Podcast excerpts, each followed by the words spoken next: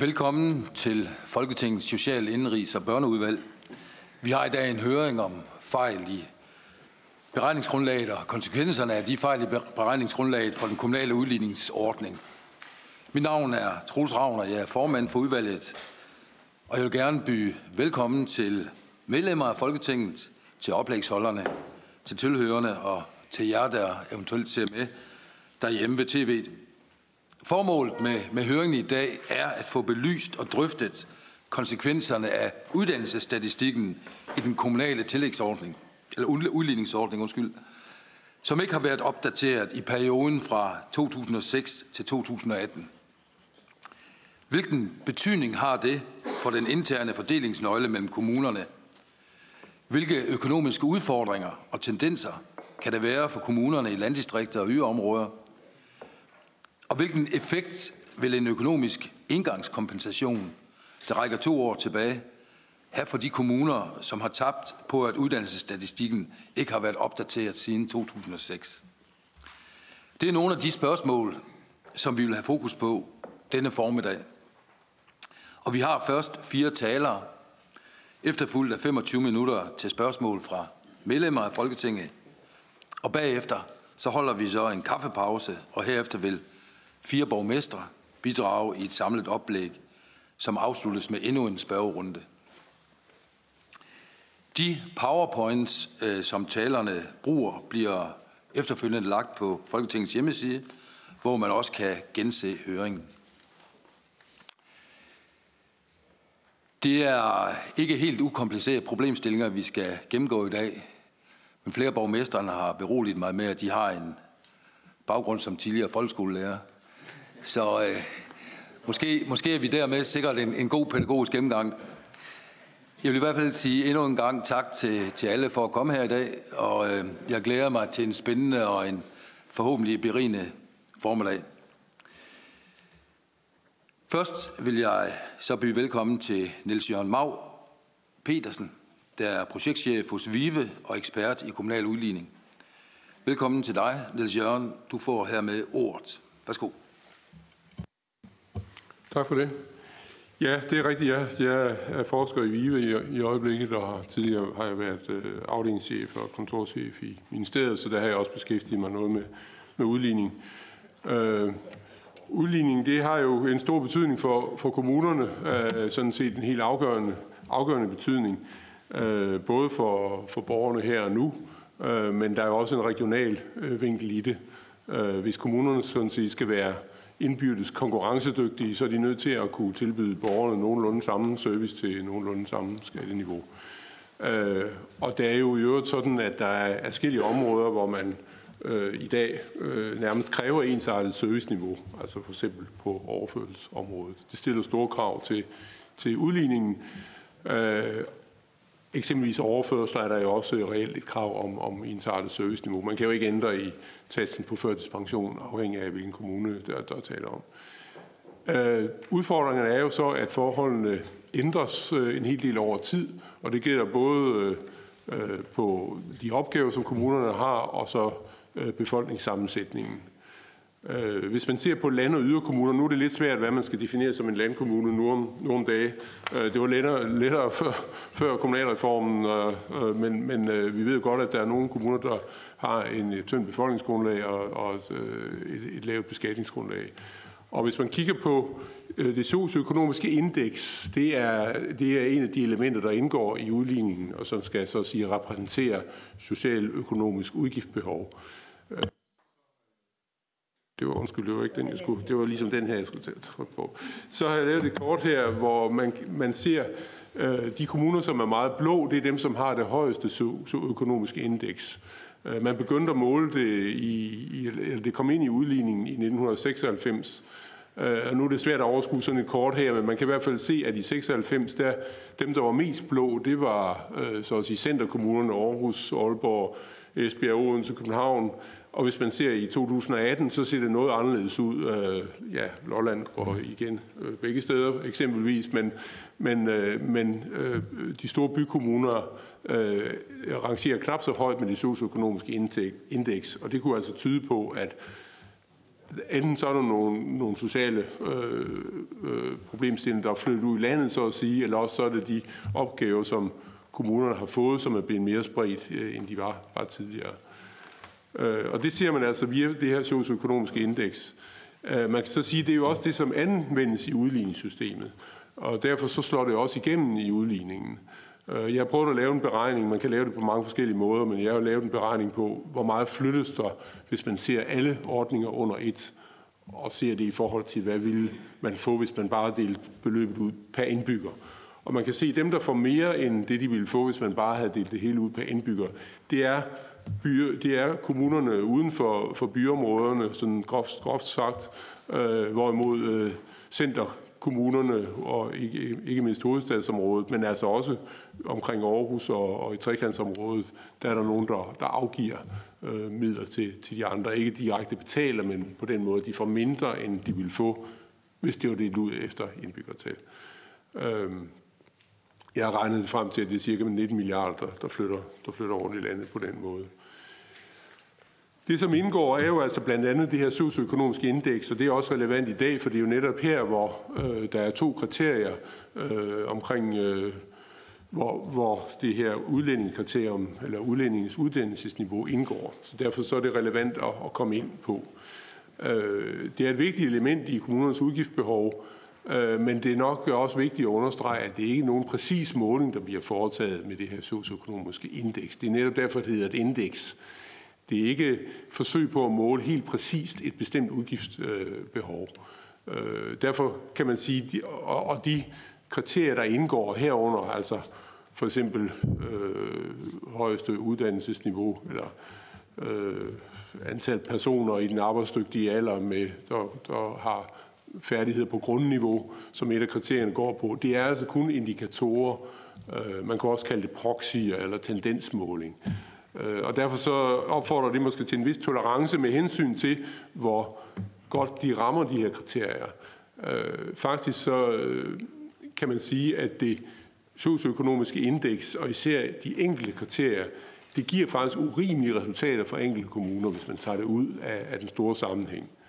Men, øh, men det må altså, så vidt jeg kan se, ses i lyset af det, det højere formål, som er at muliggøre udligningen, øh, som i sin helhed udjævner de økonomiske vilkår mellem kommunerne. Øh, man skal altså være forsigtig med at trække et enkelt indeks ud og sige, at det skal måle noget bestemt. Øh, man, kan, man kan se det, der har været noget snak omkring boligkriterier kontra kriterier, hvor der indgår lav uddannelse. Og der vil det jo være min, min, min fornemmelse af, at boligkriteriet, det kan fx være sådan noget med, hvor mange almindelige boliger er der i en kommune der er der måske nogen, der vil sige, jamen det har landkommuner jo ikke ret mange af i sagens natur. Nej, det er også rigtigt, men man har det i bykommunerne, og der vil de fleste vil være enige om, at der er nok en tendens til, at der bor, bor flere overførselsmodtagere i almindelige boliger end i andre typer af boliger. Nu har jeg ganske vist set, at der er nogen, som foreslår, at, at socialt udsatte øh, skal, ikke, øh, skal ikke have adgang til almindelige boliger. Så ser det selvfølgelig anderledes ud, men, men, men med, det, med det udgangspunkt, så kan det godt være, at kriteriet virker godt i byområder, men ikke så godt i landdistrikterne. Derimod kan det være, at øh, de mere tyndbefolkede områder så have, kan have gavn af et, et kriterium vedrørende lav uddannelse. Det, det, øh, det kan man i hvert fald se, at der er nogle regionale forskelle der. Så, så man, man må altså regne med, at nogle kriterier afspejler noget bedre, bedre end, end, end andre. Og derfor er det selvfølgelig også vigtigt, at sådan et kriterium det øh, er, er løbende ajourføres, både med hensyn til bedre statistik, nye opgaver, og man må også være opmærksom på, at kriteriet ikke er påvirkeligt for kommunens øh, dispositioner. Sådan lidt nærmere med det her med udlændingens uddannelsesniveau. Er det en fejl, at, øh, at det ikke har været opdateret og ikke er indgået? Ja, nu er jeg så udtalt mig som ikke jurist, øh, vil jeg straks sige. Og jeg mener ikke, der er en tale om en fejl i statistikken. Jeg mener, der taler om en forbedring. Altså Jørgen Elmeskov, som er rigsstatistiker, han har i en klumme udtale det der, jeg, jeg skriver, at på den, på den baggrund, altså efter at have forsvaret kriteriet øh, lødighed, så siger han, på den baggrund er der for os ikke tvivl om, at de nye tal er et fremskridt i forhold til de tidligere forældede tal. For mig at se, så lyder det ikke som en fejl, det lyder mere som en forbedring end en fejl. Øh, jeg synes også godt, at man kan komme på andre eksempler i udligningssystemet, hvor man netop har rettet noget fremadrettet, øh, og ikke øh, øh som om det var en fejl. Altså for eksempel så indførte man i 2013, der man har et kriterium for lav indkomst, og der indgik også au pair-piger. Og au pair-piger træder jo ikke så frygtelig meget på øh, de offentlige ydelser, øh, og derfor så ændrede man kriteriet sådan, at, at, at hvis man skulle ind i kriteriet for lav indkomst, så skulle man have været i, i, i landet i tre ud af fire år. Og det kan man sige, det var vel en ny erkendelse af, at det, det var nok bedre at gøre det på den måde, men man ændrer det jo ikke tilbage i tiden. Et andet eksempel, det var i 2009, hvor man fandt ud af, efter den store ændring i udligningsordningen, der blev lavet omkring, øh, udligning, omkring øh, kommunalreformen, der fandt man ud af, at, øh, at det, den ordning, man havde omkring øh, højt strukturelt underskud, at den virkede, virkede skævt. Det virkede sådan, at hvis man gav mere i bloktilskud som følge af såkaldte dut så fik man simpelthen en højere udligning via det der, øh, den ordning omkring øh, kommuner med højt strukturelt underskud. Og det, det, kørte i, det kørte i 2007, 8 og 9 og, og tilførte sådan set flere milliarder mere til den ordning, end man vel egentlig havde forestillet sig til at starte med. Så lavede man en, en, en lovændring, men der var ikke noget med, at man ændrede det tilbage i tiden. Endelig så har man jo også for nylig lavet en, en revision i ministeriet af alderskriterierne i den demografiske udligning. Øh, også fordi man har fået en ny statistik, budget- og regnskabssystemet er blevet mere øh, specifikt eller mere detaljeret på det her område. Øh, og det er vel heller ikke noget, man har forestillet sig at skulle ændres tilbage i tiden, hvis man altså kunne det. Det er nok også være svært, men, men, men, men principielt. Øh, så, så, så for mig at se, så, så, så minder det mere om, om den slags ændringer, som man, man ændrer fremadrettet. Det er så klart nok, at der er tale om forbedringer af statistikken, som må, må føre til ændringer. Men så er så spørgsmålet om, hvilke ændringer skal det så være? Øh, her kan man så diskutere flere principielle muligheder. Altså, man kunne først spørge, skal vi ikke fastfryse kriteriet på en historisk værdi, øh, til vi finder ud af, hvad vi skal gøre med det her kriterium. Øh, nu kan man sige, at det var måske så rimelig oplagt, at kriteriet faktisk blev forbedret, for man fik jo øh, en, en, en, en, en bedre øh, måling af, af udlændingsuddannelsesniveau. Det kan der jo ikke være tvivl om. Så derfor var det måske meget naturligt at tage det ind med det samme. Man kan sige, at den løsning, man så har valgt, det er jo sådan en halv fastfrysning, vil jeg kalde det. Fordi man lader det godt nok slå igennem i forhold til de kommuner, der, der får en gevinst på det. Men dem, der får et tab, de får så kompenseret tab i de to år. Det vil jeg så kalde sådan en slags halv fastfrysning. Øhm, man burde nok også i den forbindelse lave nogle analyser af, om, om kriteriet fortsat er relevant. Altså, det kunne jo være, at det fungerede dårligere end det, end, end det tidligere, og man så skulle skifte ud med det andet. Det har man så kigget på i finansieringsudvalget, og, og ikke overraskende, så vidt jeg kan læse mig frem til det, så finder man faktisk ud af, at det, at det fungerer bedre. Så det er jo også en, en, en god ting. Øh, endelig så er der den, en, den tredje ting, er det så overhovedet et kriterium, eller er, er den her statistik overhovedet god nok til, at man kan bruge det i et, i et statistisk, i et kriterium i udligningen? Er, er kvaliteten god nok? Jeg tvivler ikke på, at Danmarks Statistik har stået på hovedet for at gøre, hvad de kunne for at få øh, flest mulige besvarelser fra udlændinge på det her område, men det er jo så kun en svarprocent på 37 øh, procent, og de sidste 63 procent, dem importerer man så, og det er sådan et andet udtryk for kvalificeret gæt på, hvad, hvad de vil have.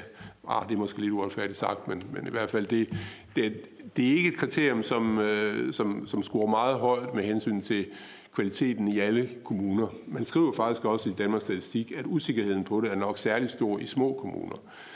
Det er jo altså en diskussion, man må have. Vil man have sådan et kriterium ind, som rent faktisk øh, har en usikkerhed ved sig?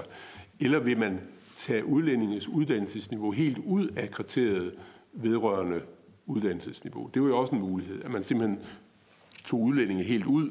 Det har finansieringsudvalget også været inde på øh, Øh, til, til beroligelse for de kommuner, som, som, øh, som, som har vundet på den her omlægning, så tror jeg nok, det vil give nogenlunde det samme, men det vil muligvis være en mere, mere tilfredsstillende løsning. Men det er i hvert fald noget, man, jeg synes, man, man må overveje, øh, hvad man vil gøre. Ja, så til sidst øh, bare nogle øh, bemærkninger om, om sådan de fremtidige muligheder, og, og jeg, jeg ser fremtidige perspektiver.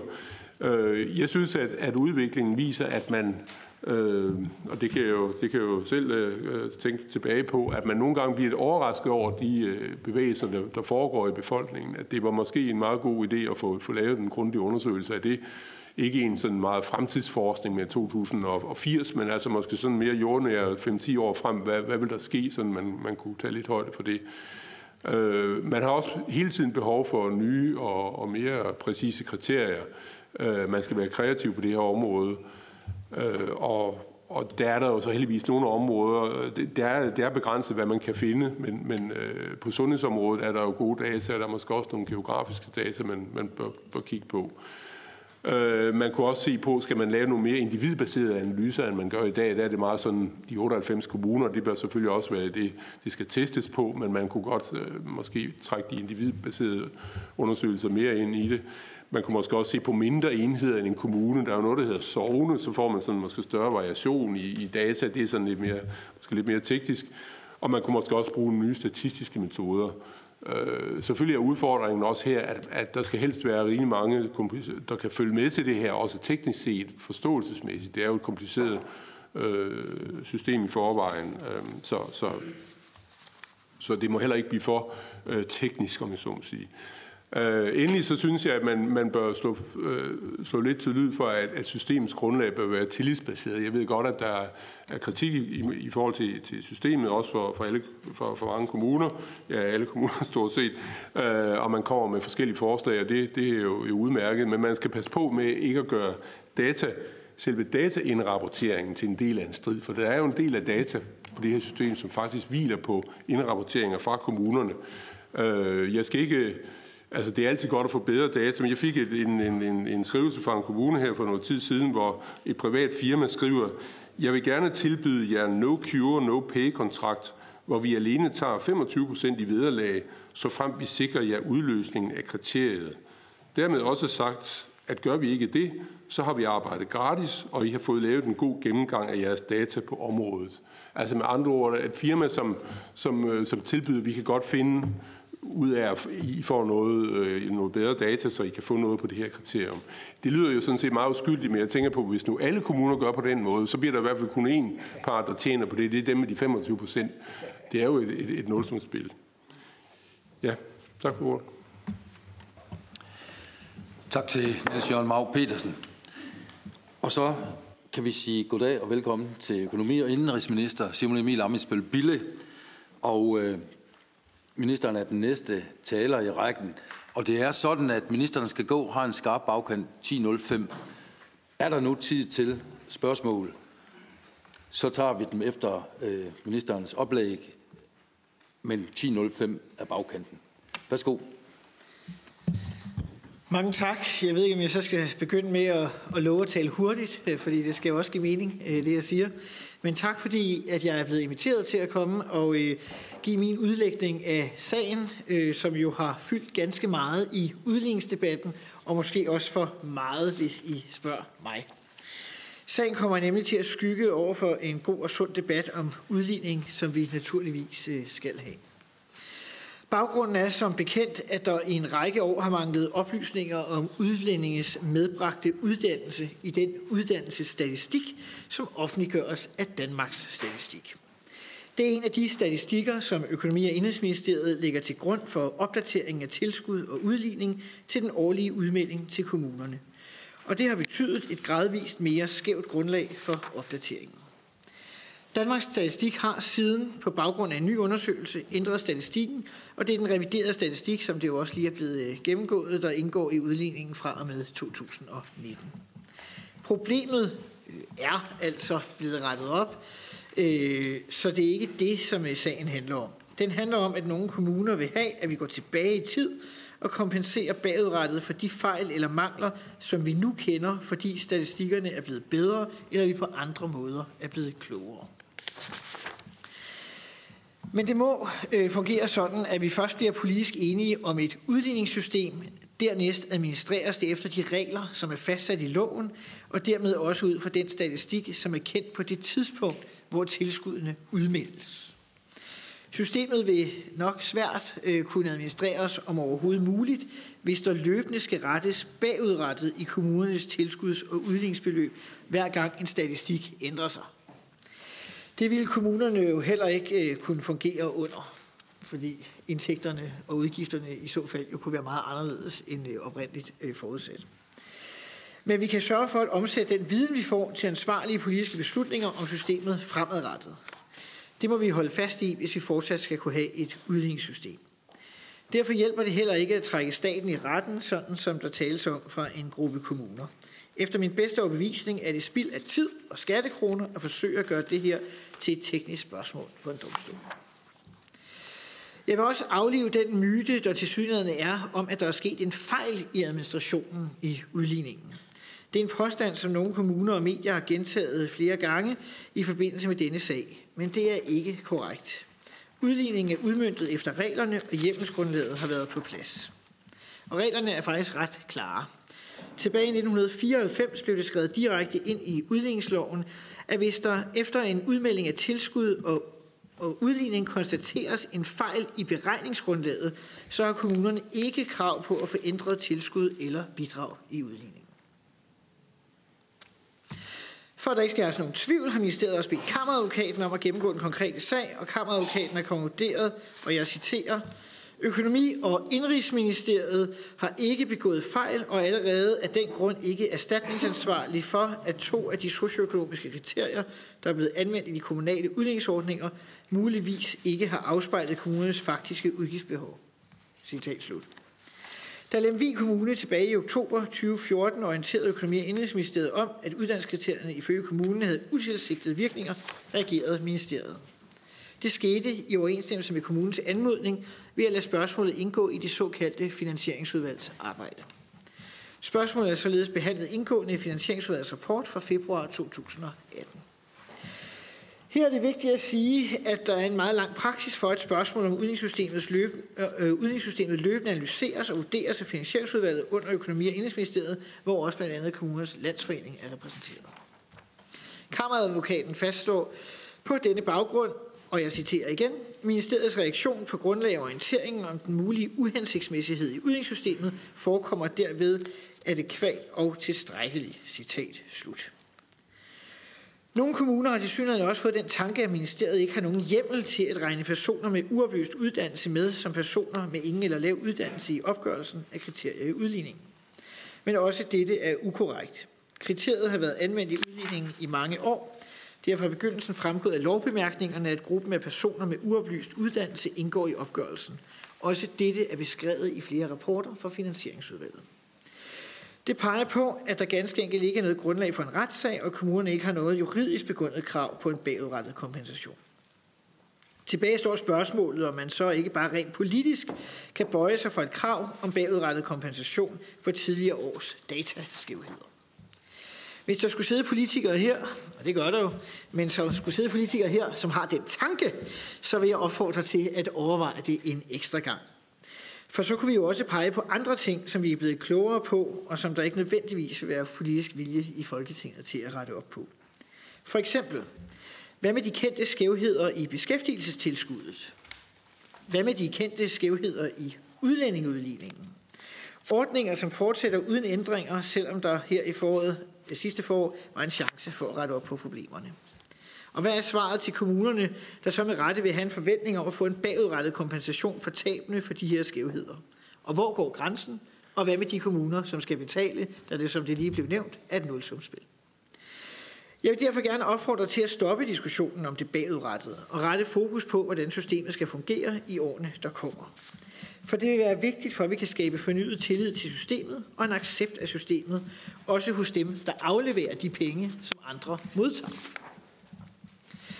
Vi skal også huske, at vi grundlæggende har et udligningssystem, der har ret stor effekt ude i kommunerne.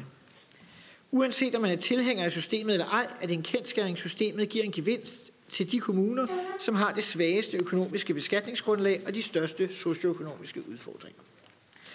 Udligningen omfordeler således i år, skal lige se, om jeg kan overstøve Finn Sørensen, øh, øh udligningen omfordeler således i år 18,4 milliarder kroner mellem landets kommuner.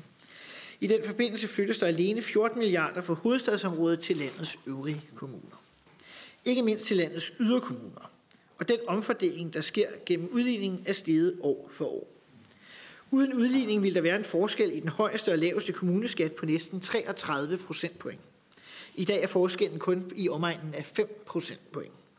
Det ville måske være rart for den kommune, som kunne sætte kommuneskatten ned til de 9,6, men omvendt ville det næppe være holdbart for den kommune, der skulle have en kommuneskat på 42,4 eller sænke øh, serviceniveauet tilsvarende. Disse effekter kan jo nemt øh, glide i baggrunden, altså de overordnede effekter, når vi ser på øh, diskussionen om detaljerne. Det er kun godt, at der er en politisk debat om den kommunale udligning. Har man fundet den rigtige balance? Er der åbenlyse skævheder, der skal rettes op på? Er udligningsniveauet for lavt eller for højt? Selvfølgelig skal vi have den debat. Det er også meget vigtigt at slå fast, at udligning ikke er en videnskab eller en uomtvistelig ret. Udligning er derimod fordelingspolitik.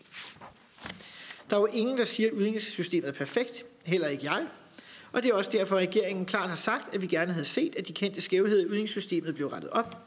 Og her må vi jo bare så erkende, at der ikke har været politisk vilje til at lave en sådan aftale på denne side af et folketingsvalg. Men den fordelingskamp, vi oplever mellem kommuner i disse år, er blevet uforsonlig og er efter min mening også løbet af sporet. Og denne stemning er bestemt heller ikke hjælpsom i forhold til i fremtiden at opnå en politisk aftale om ændringer i udligningssystemet. Det er stærkt bekymrende, når det ser ud til, at et stigende antal kommuner bruger energi og ressourcer på gennem deres registreringer at påvirke de statistikker, som udligningen bygger på. Det er svært at tro på, at det kun handler om at skabe korrekt statistik, når mange kommuner køber konsulenter, som der også lige blev nævnt, som skal hjælpe kommuner med at optimere deres registreringer. Markedsføringer for de her digitale indtægtsoptimeringsfirmaer med løfter om no cure, no pay, er i den sammenhæng ikke tillidsvækkende. Og derfor har jeg også besluttet, at vi er nødt til at se nærmere øh, på øh, denne aktivitet. Derfor har jeg bedt Finansieringsudvalget under Økonomi- og Indrigsministeriet om at belyse, i hvilket omfang kommuners registreringer kan påvirke udligningen, og om der er behov for at sætte ind, eventuelt også fra politisk hold. I udligningen er det jo sådan, skal man bare huske på, at hvis nogen skal have mere, skal andre betale mere. Så vi må nok erkende, at vi kommer aldrig til et sted, hvor der kan skabes enighed om omfordelingen kommunerne imellem. Men det vil være godt, hvis vi kan få debatten tilbage på sporet. Det vil give bedre mulighed for, at vi efter et valg sammen kan øh, rette op på de skævheder, der er i systemet, og det trænger udligningssystemet til. Så jeg håber ikke, at øh, den sag, som er udgangspunkt for dagens høring, får lov til at skygge øh, for debatten om den kommunale udligning, hverken hos politikerne i Folketinget eller ude i kommunerne. Jeg håber også, at de kommuner, der er repræsenteret her i dag, vil overveje, om det ikke grundlæggende er mere konstruktivt og i jeres egen interesse at få en konstruktiv dialog om, hvordan udligningssystemet skal være fremadrettet. Jeg tror, at det er væsentligt, at vi ikke fortaber os i juridiske fortidsfægterier, men øh, ser på, hvad den politiske fremtid skal være. Tak for ordet. Tak til økonomi- og indrigsministeren, og vi nåede sørme i havn. Flot sådan at der også er tid til et par spørgsmål. Det var flot. Jeg håber ikke, at det, det var for hurtigt. vi, har, øh, vi har tre spørgere, og jeg henstiller til, at det bliver korte spørgsmål. Øh, Magnus Heunicke, Socialdemokratiet. Vi tager dem samlet, ja. Ja, ja men øh, tak for det, minister. Øhm, og øhm, tak for, for din, den her, den, det her, øh, den her gennemgang af sagen set fra ministeriet og ministerens øh, stol. Og der er jo et juridisk spor og en politisk spor, som ministeren jo også sagde. Og øhm, lad mig ja, de juridiske, øh, det, ja, der, har man, der har man jo statens egen advokat, kammeradvokaten, som selvfølgelig støtter staten, og det er jo så logisk nok, øh, og rådgiver staten. Øhm, øhm, altså det, jeg kan jo rigtig, det, det er ikke noget, som vi som Folketinget synes, jeg bør have nogle øh, aktier eller blande os i overhovedet.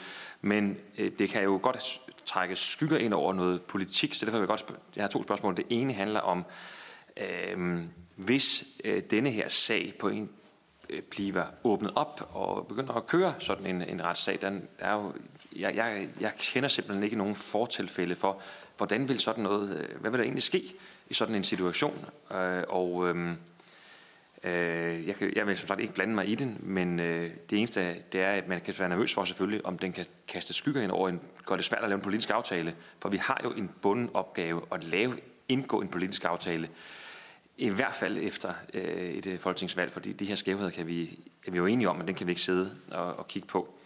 Så den vurdering vil jeg godt bede om. Og så det politiske spørgsmål. Det er øh, jo der, hvor jeg interesserer mig meget for det, fordi ministeren siger, at hvis man skulle begynde at kompensere bagud dem, der blev snydt, så er det et nulsumsspil, og så er der nogen, der vil få mindre. Øh, øh, så skal jeg spørge, regeringen valgte jo at kompensere dem, der har fået for meget indtil nu på fejlen i kriteriet, fremadrettet de næste to år. Og øhm, som jeg forstår de svar, jeg har fået fra ministeren omkring den sag, så er det netop ikke et nulsumsspil. Så var det ikke noget, man tog fra de kommuner, der havde fået for lidt. Så der må der gælde samme regler for, øh, for de to. Og dermed også sagt, at der er, det, så det er det tekniske i det, men det politiske er jo så også, at når man mener, at man skal kompensere fremadrettet, det er jo der, den politiske diskussion bliver relevant. Ikke kun for øh, øh, kommunerne, men jo også for øh, os øh, partier på Christiansborg. Tak. Susanne Eilersen, Dansk Folkeparti. Ja, tak for det, og også tak for ministerens øh, redegørelse her. Øh, jeg havde stort set det. Jeg havde to spørgsmål, og det ene var stort set det samme, som hr. Magnus Heunicke stillede, nemlig hvorfor man, hvorfor man kunne finde flere penge til at og ligesom at, at, at give til nogen, som faktisk havde været heldige, hvis man kan sige det sådan, at øh, man har haft flere år, hvor man ikke har ændret ved den her, det her kriterie på uddannelse, og så øh, lukker fuldstændig kassen i for, for folk, som selvom ministeren siger, at man ikke har krav på, måske ikke bliver snydt, men, men det øh, kunne jeg godt øh, tænke mig at høre om. Men det andet, jeg så vil spørge om, det er, at øh, ministeren taler om, at øh, der er måske endnu flere kriterier, end det vi har, eller det ved vi jo i forhold til den debat, vi havde om udligning. Endnu flere kriterier, som måske er uhensigtsmæssige. Og det er et meget knudret kludetæppe, man øh, åbner op for, når man vil ændre på udligning. Ministeren var også selv inde på, at der var i øjeblikket 5 øh, procentpoint i forhold til skatten kommuneskatterne rundt omkring. Og nu ministerens parti jo går ind for at sige, at det skal ikke være dyrere at være dansker, og man skal betale mindre i skat. Og ministeren ikke kunne øh, overveje at kigge lidt på det, som Dansk Folkeparti i hvert fald har foreslået af flere omgange, at man starter på noget nyt, kigger på en helt ny udligningsform, hvor man tager udgangspunkt i, at alle kommuner har den samme skatteprocent, sådan at det ikke skal være dyrere for nogen borgere øh, at være dansker end for andre. Det kunne jeg godt lige tænke mig at høre ministerens øh, svar på. Og ministeren er kvik, det ved jeg, så vi kan tage to. Finn Sørensen, kort. Tak til, tak til ministeren. Øh, jeg vil heller ikke kommentere den verserende sag, men bare sige, som de to foregående, det er jo et politisk spørgsmål, hvordan man kompenserer, hvis man nu kan skaffe et flertal for det. Ministeren, jeg faldt altså over en sætning for ministeren, at han beskrev, hvad der jo desværre er rigtigt, at der er udviklet sig en uforsonlig kamp kommunerne imellem om at fordele øh, kagen, om man så må sige. Øh, den analyse er jo desværre rigtig, og det er jeg øh, meget ked af, at det har udviklet sig sådan.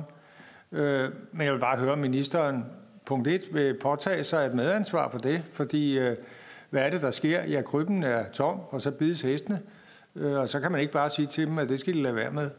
Øh, det er, og så punkt 2, hvad vil ministeren gøre ved det problem? Fordi det grundlæggende problem set med enhedslistens øjne, det er jo, at den økonomiske ramme er for lille. Det er punkt et. Til at kommunerne de kan løse de velfærdsopgaver, de gerne vil øh, og bør og skal løse. Og det andet er, at udligningssystemet generelt er skruet øh, helt utidsvarende sammen, øh, hvilket man jo sådan set kun kan løse ved at hæve landsudligningsprocenten op på et niveau, der svarer til hovedstaden øh, og så selvfølgelig tilføre de penge udefra til systemet, så det ikke bliver øh, kommunerne i hovedstaden, der kommer til at betale et ret dyrt gilde. Så det vil jeg gerne have ministeren til at forholde sig til, og samtidig også erkende, at den omlægning af refusionssystemet, man har lavet, er noget, der spænder øh, kommuner med store forsørgelsesudgifter rigtig hårdt for. Tak. Tak. Og Karl Holst, Venstre. Tak for... Okay, jeg nøjes med en sætning, undskyld. Ministeren giver, og jeg er enig, udtryk for, at der ikke er tillid til det nuværende system. Kunne det tænkes, at den manglende mistillid kan hænge sammen med det faktum, at alle aktører, jeg snakker ikke om skyld, jeg siger bare en viden, der har været fælles, at der var nogle tal, der var forkerte, som gjorde, at nogen fik for meget i forhold til, hvordan det var intentionerne, og nogen fik for lidt i forhold til, hvad der var intentionerne. Kunne det tænkes, at det var årsagen til, at der mangler tillid. Tak for det. Og ministeren for en besvarelse. Værsgo. Jeg skal forsøge efter bedste evne øh, på de øh, fire spørgsmål. Jeg tror, jeg må plukke lidt og prøve at samle det, og så må I lige nikke, om I har fået svar på jeres spørgsmål. Ikke om I er tilfreds med svaret, men om jeg har svaret. Øh, der er i forhold til det her med, øh, hvorfor kompenserer vi, øh, siger øh, du Magnus, øh, på de her kommuner, ikke på andre. Det vi gør, det er, at vi gør det, som man også har gjort i andre tilfælde, nemlig vi laver en overgangsordning for dem, der pludselig øh, får et helt andet og dårligere økonomisk grundlag end kendt. Det er en overgangsordning for at fase dem ind til en hårdere virkelighed. Det er jo noget andet end bagudrettet at give nogle penge øh, til nogen. Det, for mig er det meget forskelligt, og det princip, jeg nævner, det tror jeg også reger, tidligere regeringer har brugt, øh, altså det der med indfasning. Vi har jo, skal man bare huske for de andre kommuner, vi har jo det midlertidige finansieringstilskud, som er langt større, og som jo også er der, fordi der er en række kendte skævheder i systemet, som så måske er til nogle andre kommuners øh, fordel end lige præcis det her toårige overgangstilskud. Så det er ikke så entydigt, sådan som jeg synes, det øh, ligger øh, i spørgsmålet. Øh, øh, så øh, ja, det bliver jo en vurdering af, hvad sådan en sag kommer til at betyde, fordi man kan jo frygte, øh, og det synes jeg lige så godt, man kan være ærlig at sige, man kan jo frygte, at sådan en her sag kommer til at lægge skygge over de politiske forhandlinger, der forhåbentlig skal gå i gang efter et folketingsvalg på Christiansborg. Man kan jo frygte, at det, at der er en sag på et område, det gør, at politiske partier vil sige, jo, men hvis nu man skal her, hvorfor skal man så ikke på nogle af de andre områder? Jeg nævnte to områder, blandt andet udlændingeudligningen, som jo er langt større emne end det her, og som vil øh, gå hårdt ud over øh, Vestegnskommunerne øh, og de store øh, kommuner, hvis man gjorde noget lignende der. Altså, det glemmer man jo lidt, når man tager et element øh, ud. Øh, I forhold til Susanne Ejlersens spørgsmål om Dansk Folkeparti's ønske om ens øh, kommuneskatteprocenter øh, hele landet over, man kan selvfølgelig blive fristet af tanken om, at alle skulle kunne betale gentofteskat, hvis der kunne samles øh, enighed i Folketinget om at, øh, at, at sørge for på den måde at nedbringe de offentlige udgifter andre steder. Men jeg har svært ved at se for mig, at, øh, at hverken øh, mit parti eller den regering, jeg repræsenterer, vil øh, bakke op om et forslag om ens kommuneskat. Blandt andet fordi vi mener, at det, at man kan sætte sin egen skatteprocent, jo også er en vigtig del af det kommunale selvstyre, den indflydelse, man har ved at sidde i kommunalbestyrelsen, som jo også fru Susanne Ejlersen selv gør. Øh, ja, det første spørgsmål mindede lidt om Magnus, så vidt jeg husker. Så siger øh, Finn Sørensen, vil jeg ikke indrømme, at der kun findes én løsning? Øh, nej, øh, det vil jeg faktisk ikke. Øh, fordi hvis det var sådan, så tror jeg faktisk, at vi havde lavet en udligningsaftale bredt mellem alle Folketingets ni partier øh, her øh, tid, øh, i foråret øh, 2018, hvis der kun fandtes én løsning. Det er jo det, der er hele pointen. Det her er jo det, som jo i virkeligheden er kernen for enhedslisten. Det er fordelingspolitik. Og det vil sige, at der er jo forskellige synspunkter til, øh, hvordan der skal fordeles. Og det er jo også noget af det, der øh, kommer til udtryk, når vi diskuterer det konkret. For så bliver det jo både principper, og lad os nu være ærlige, også kommuneinteresser, øh, der kommer på banen. Hvilke kommuner er det, der skal tabe og vinde mest? Og, øh, og de kæmper så det synspunkt med de principielle overvejelser, tror jeg, uden at skulle gøre mig hverken værre eller bedre end andre, hos de fleste. Øh,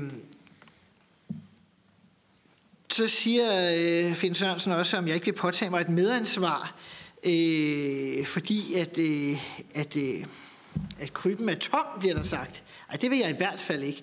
Øh, I hvert fald ikke med det argument. Fordi øh, vi kan jo se, at med de øh, øh, driftsbudgetter, som finansministeren og jeg lige har øh, nikket til, at man kan øh, køre med ude i kommunerne i 2019, så skal vi tilbage til dengang Lars Løkke Rasmussen var statsminister for en VK-regering, før der var flere penge til den kommunale drift. Så på den måde, så synes jeg, at argumentet øh, falder øh, fuldstændig bort. Og til sidst i forhold til øh, Karl Holst. Det er jo klart, at når der er kendte øh, skævheder, øh, så øh, svækkes øh, tilliden. Og det her er jo, som jeg har sagt på par gange, jo kun en af de kendte øh, skævheder. Der er øh, udlændinge, som vel er den største øh, skævhed i virkeligheden. Der er beskæftigelsesdelen, øh, øh, som jo også øh, er en kendt skævhed, bare for at tage tre. Der er hele diskussionen om flyttekriteriet. Når vi ser på de ganske få kommuner, øh, som har øh, færre penge i 19, end de havde i 18, så er øh, øh, fraflytning jo faktisk øh, måske det mest, den største uretfærdighed, øh, man kan finde i forhold øh, til det. Men det er jo også godt noget, vi øh, vil tage op og ændre. Så, men tak for debatten, og det er ikke, fordi jeg ikke kunne øh, fortsætte, men om fem minutter har jeg et andet med. Med Folketinget. Vi siger mange tak til økonomi- og indrigsministeren.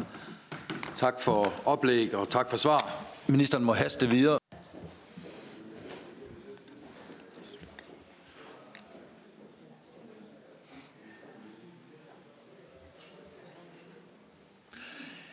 Så vil jeg gerne byde velkommen til Lise Lyk fra Copenhagen Business School.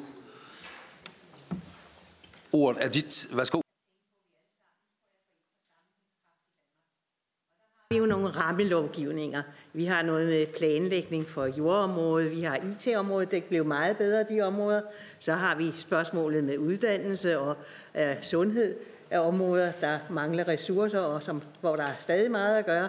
Og så har vi udligningsområdet, som desværre bevæger sig den gale vej. Det er i og for sig udgangspunktet. Og det er så øh, derfor, jeg vil prøve at tage nogle af de udfordringer op, Øh, og jeg har også skrevet sådan et papir, som I kan få, hvor det er lidt mere udmyndtet, så man kan se punkterne. Men det er det første punkt, jeg vil tage op her, det er, at gennem tiden, så er der lagt mere og mere over i udligningssystemet.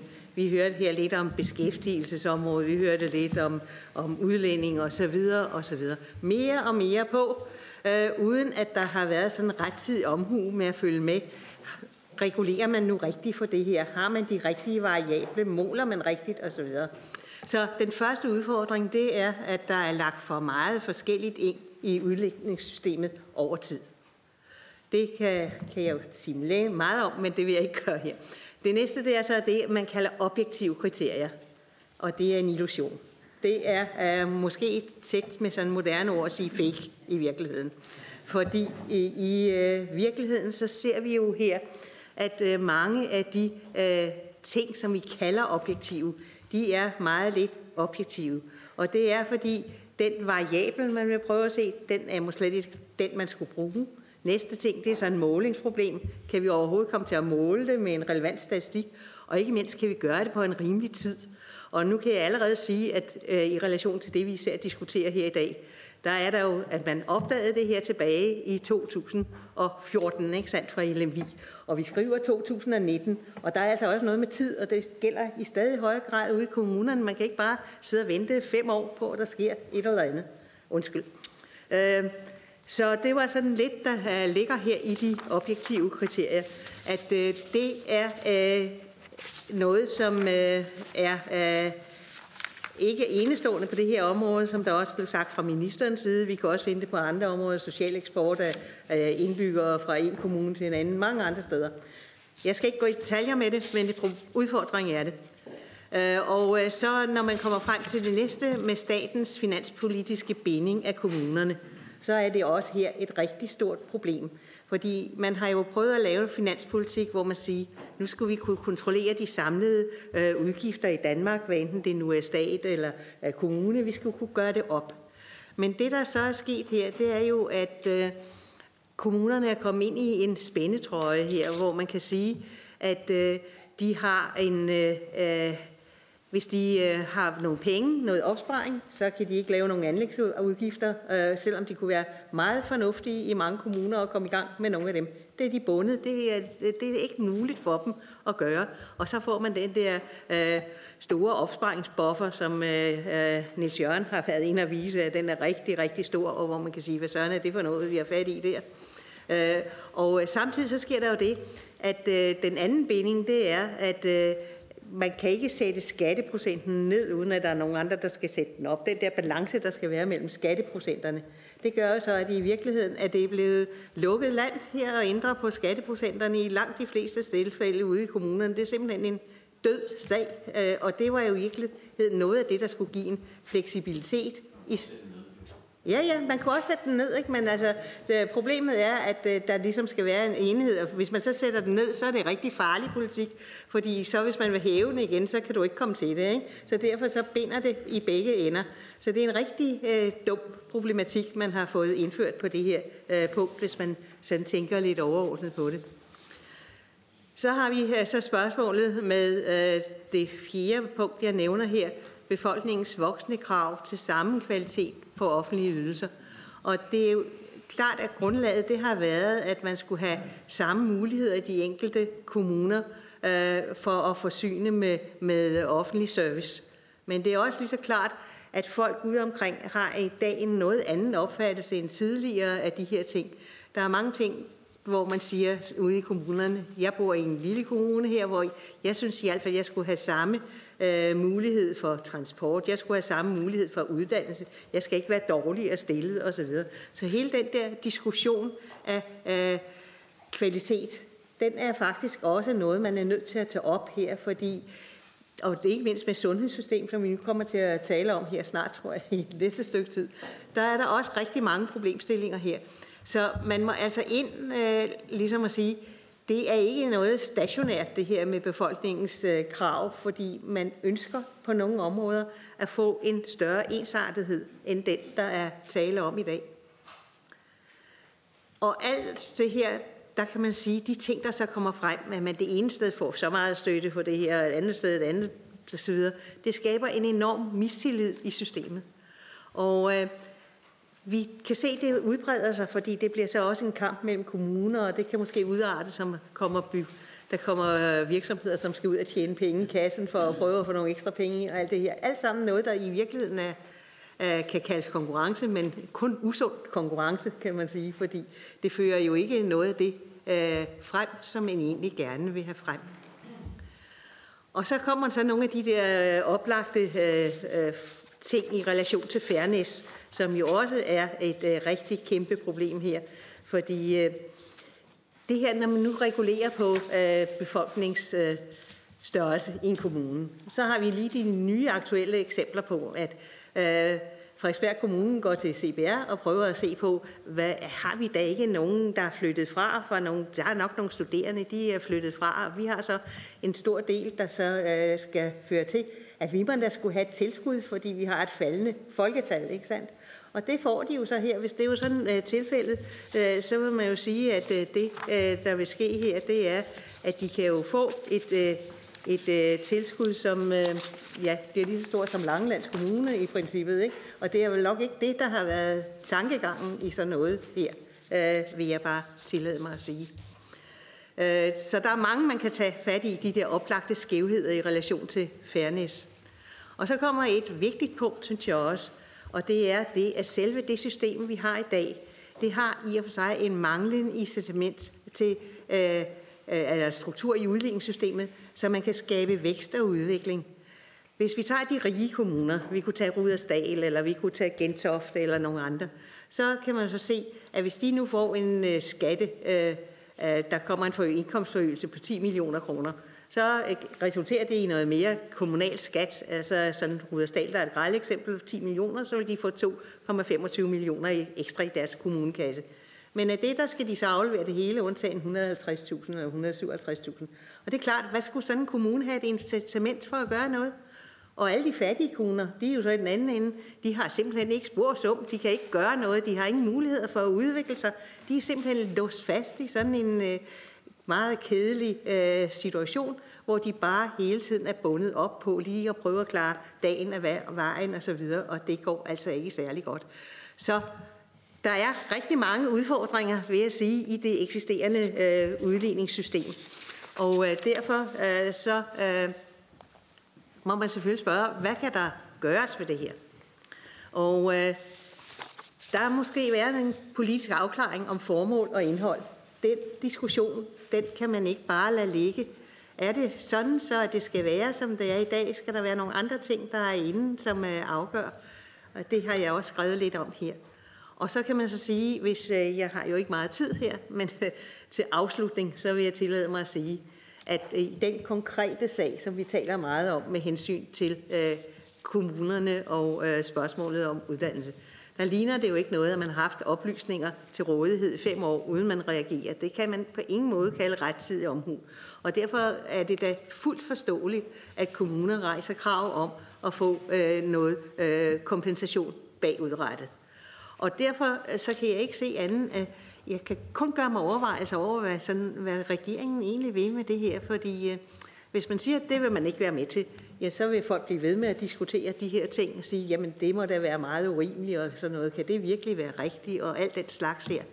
Øh, og kommer der øh, sådan en, en, en retssag øh, ud af det her, så kan man jo stadigvæk sige, at hvis den øh, går, går kommunernes vej, ja, så vil man så sige, så har man haft en hel masse omvejsdiskussioner og sådan noget, uden at der kommer meget fornuftigt ud af det. Og hvis den nu går kommunernes vej, ja, så må man sige, jamen hvad så? Så står vi så, at der er mange andre ting, vi så skal til at tage op, fordi der er andre uligheder i, i systemet.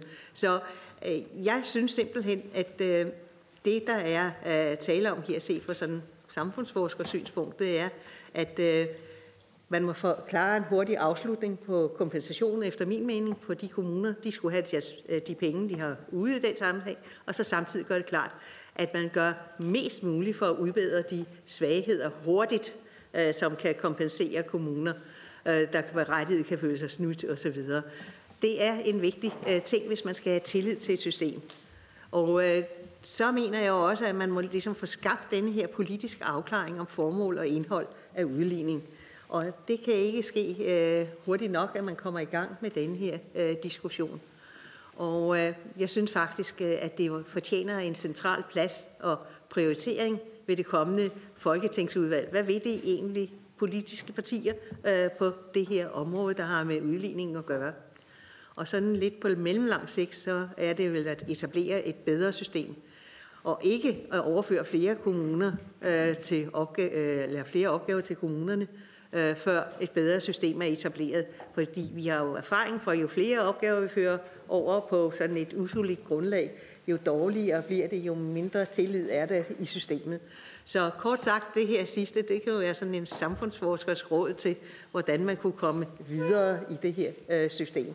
Og jeg vil øh, slutte her, for jeg har jo ikke mere tid at tale. Men jeg vil sige, at jeg har jo lavet sådan et papir, som også er lagt ud, som man kan læse fuldt ud.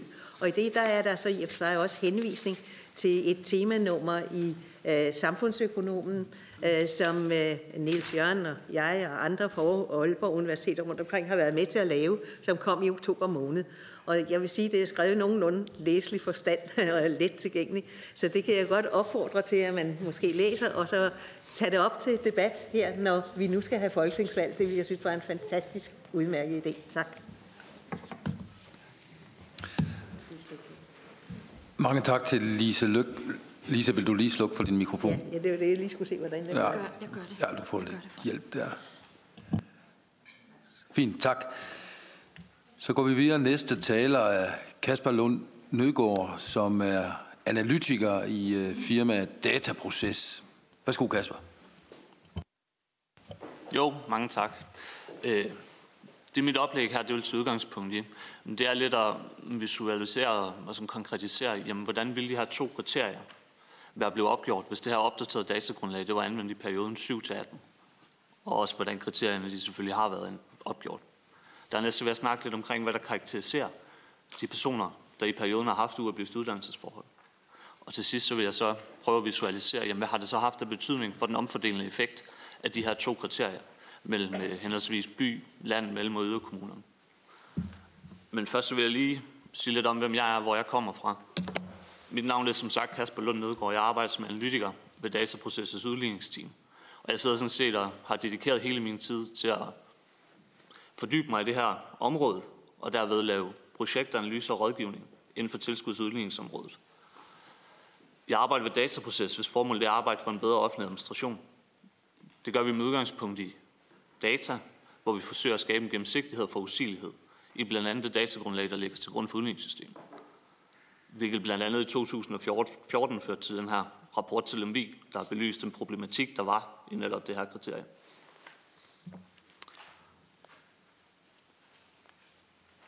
De to uddannelseskriterier her, de, har, de udgør samlet set 24 procent af det socioøkonomiske udgiftsbehov. Det svarer til de op, op, opgør i og for sig et udgiftsbehov på 28,3 milliarder kroner i budget 2019, ud af de samlede netto drift- og anlægsudgifter på 360 milliarder kroner. Formålet med dem det er at afspejle de sociale forskelle, der kan være imellem kommunerne i forhold til de fået udgifter til førtidspensionsområdet, beskæftigelsesområdet og det udsatte voksne og børn- og ungeområde.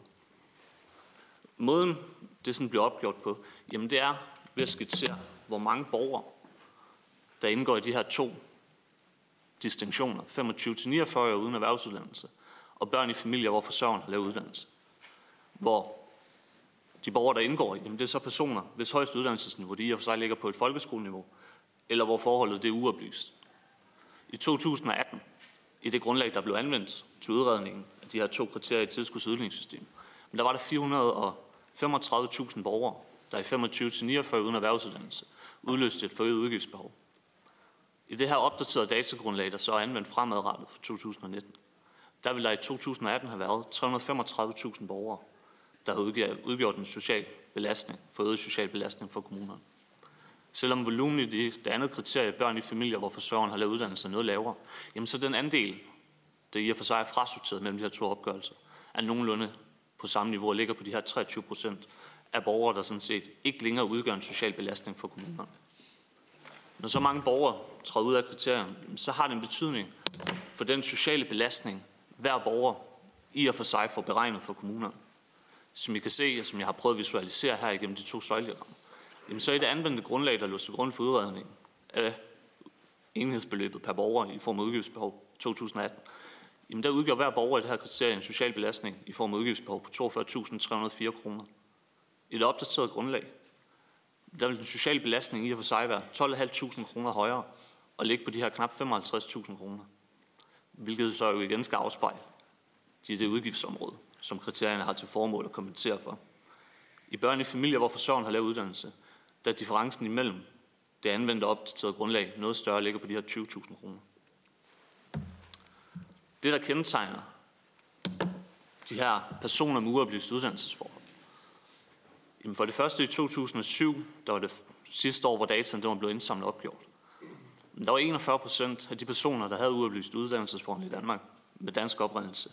58 procent havde en indvandrermæssig baggrund. Ud af de knap 43.000 borgere, hvis uddannelsesforhold det var uoplyst. Efter der så var gået 11 år, hvor den her data den ikke blev indsamlet, så var der 165.000 personer i Danmark med uoplyst uddannelsesforhold, hvor 94 procent havde en indvandrermæssig baggrund, og 5 procent havde dansk oprindelse. I det opdaterede grundlag, som der blev anvendt fremadrettet også til at opgøre den her underkompensation bagudrettet, der er hver fjerde person med dansk oprindelse, mens 71 procent har en indvandrermæssig baggrund.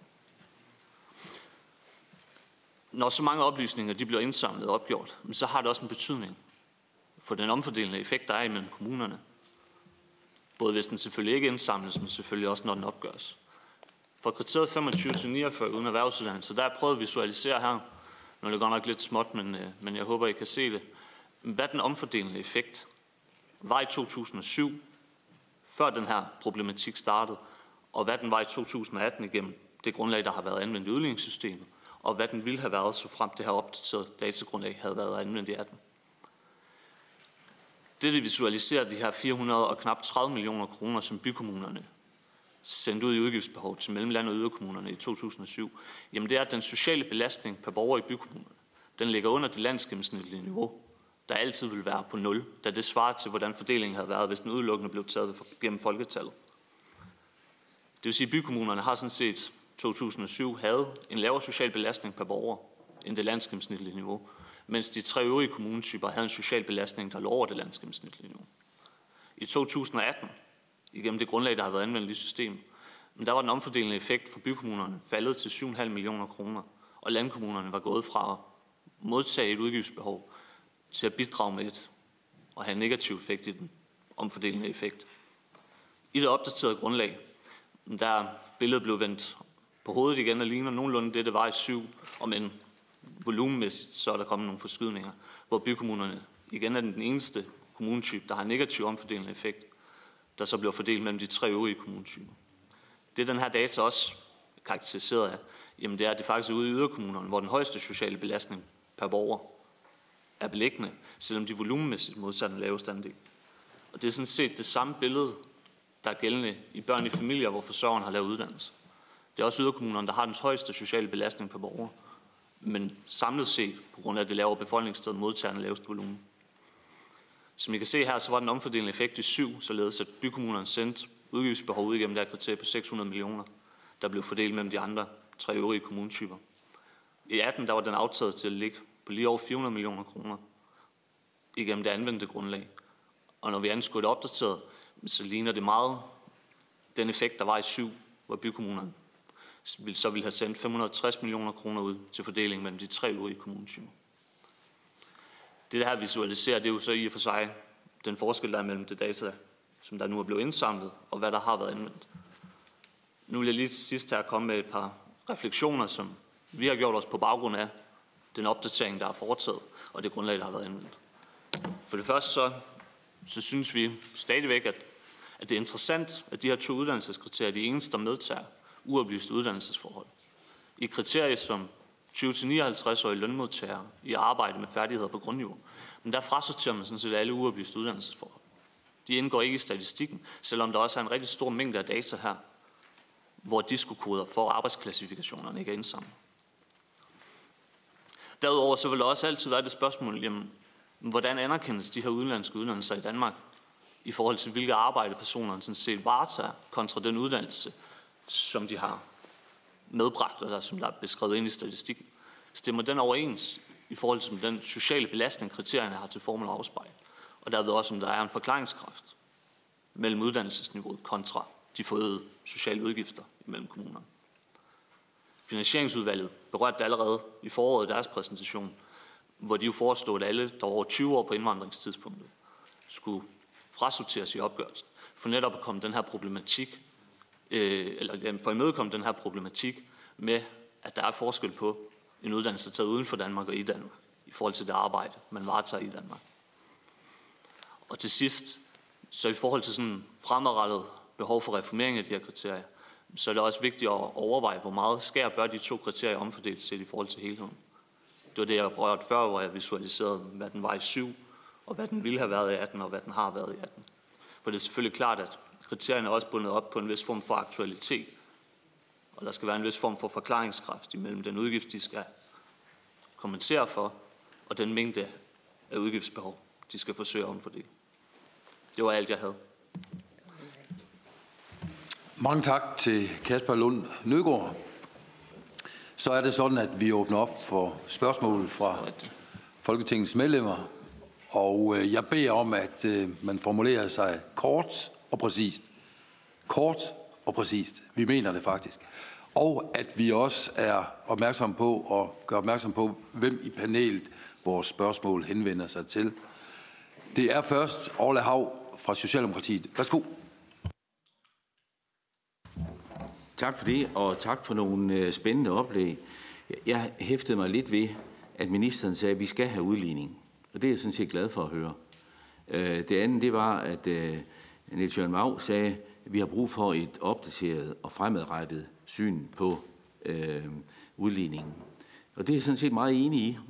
Jeg vil bare nævne et enkelt kriterium, som jeg tror er gået under radaren. Det er i hvert fald gået under min radar indtil forleden dag. Min kommune har klogt brugt øh, reglerne omkring at etablere ungdomsboliger.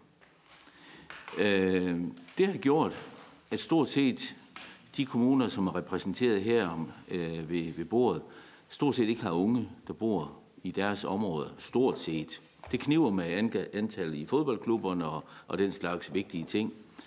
Øh, og det påvirker selvfølgelig livet der i, i de samfund. Det har vi simpelthen ikke noget, der samler op. Øh, det der med, at en kommune bruger klogt ungdomsboligreglerne, øh, og dermed får koncentreret de unge, som jo ikke er nogen belastning, øh, hvad hedder det, på, på det sociale område osv., men udløser nogle gode øh, tilskud i forhold til det. Så derfor kan jeg kun opfordre til, at vi får sat turbo på den der med den lidt fremadrettede.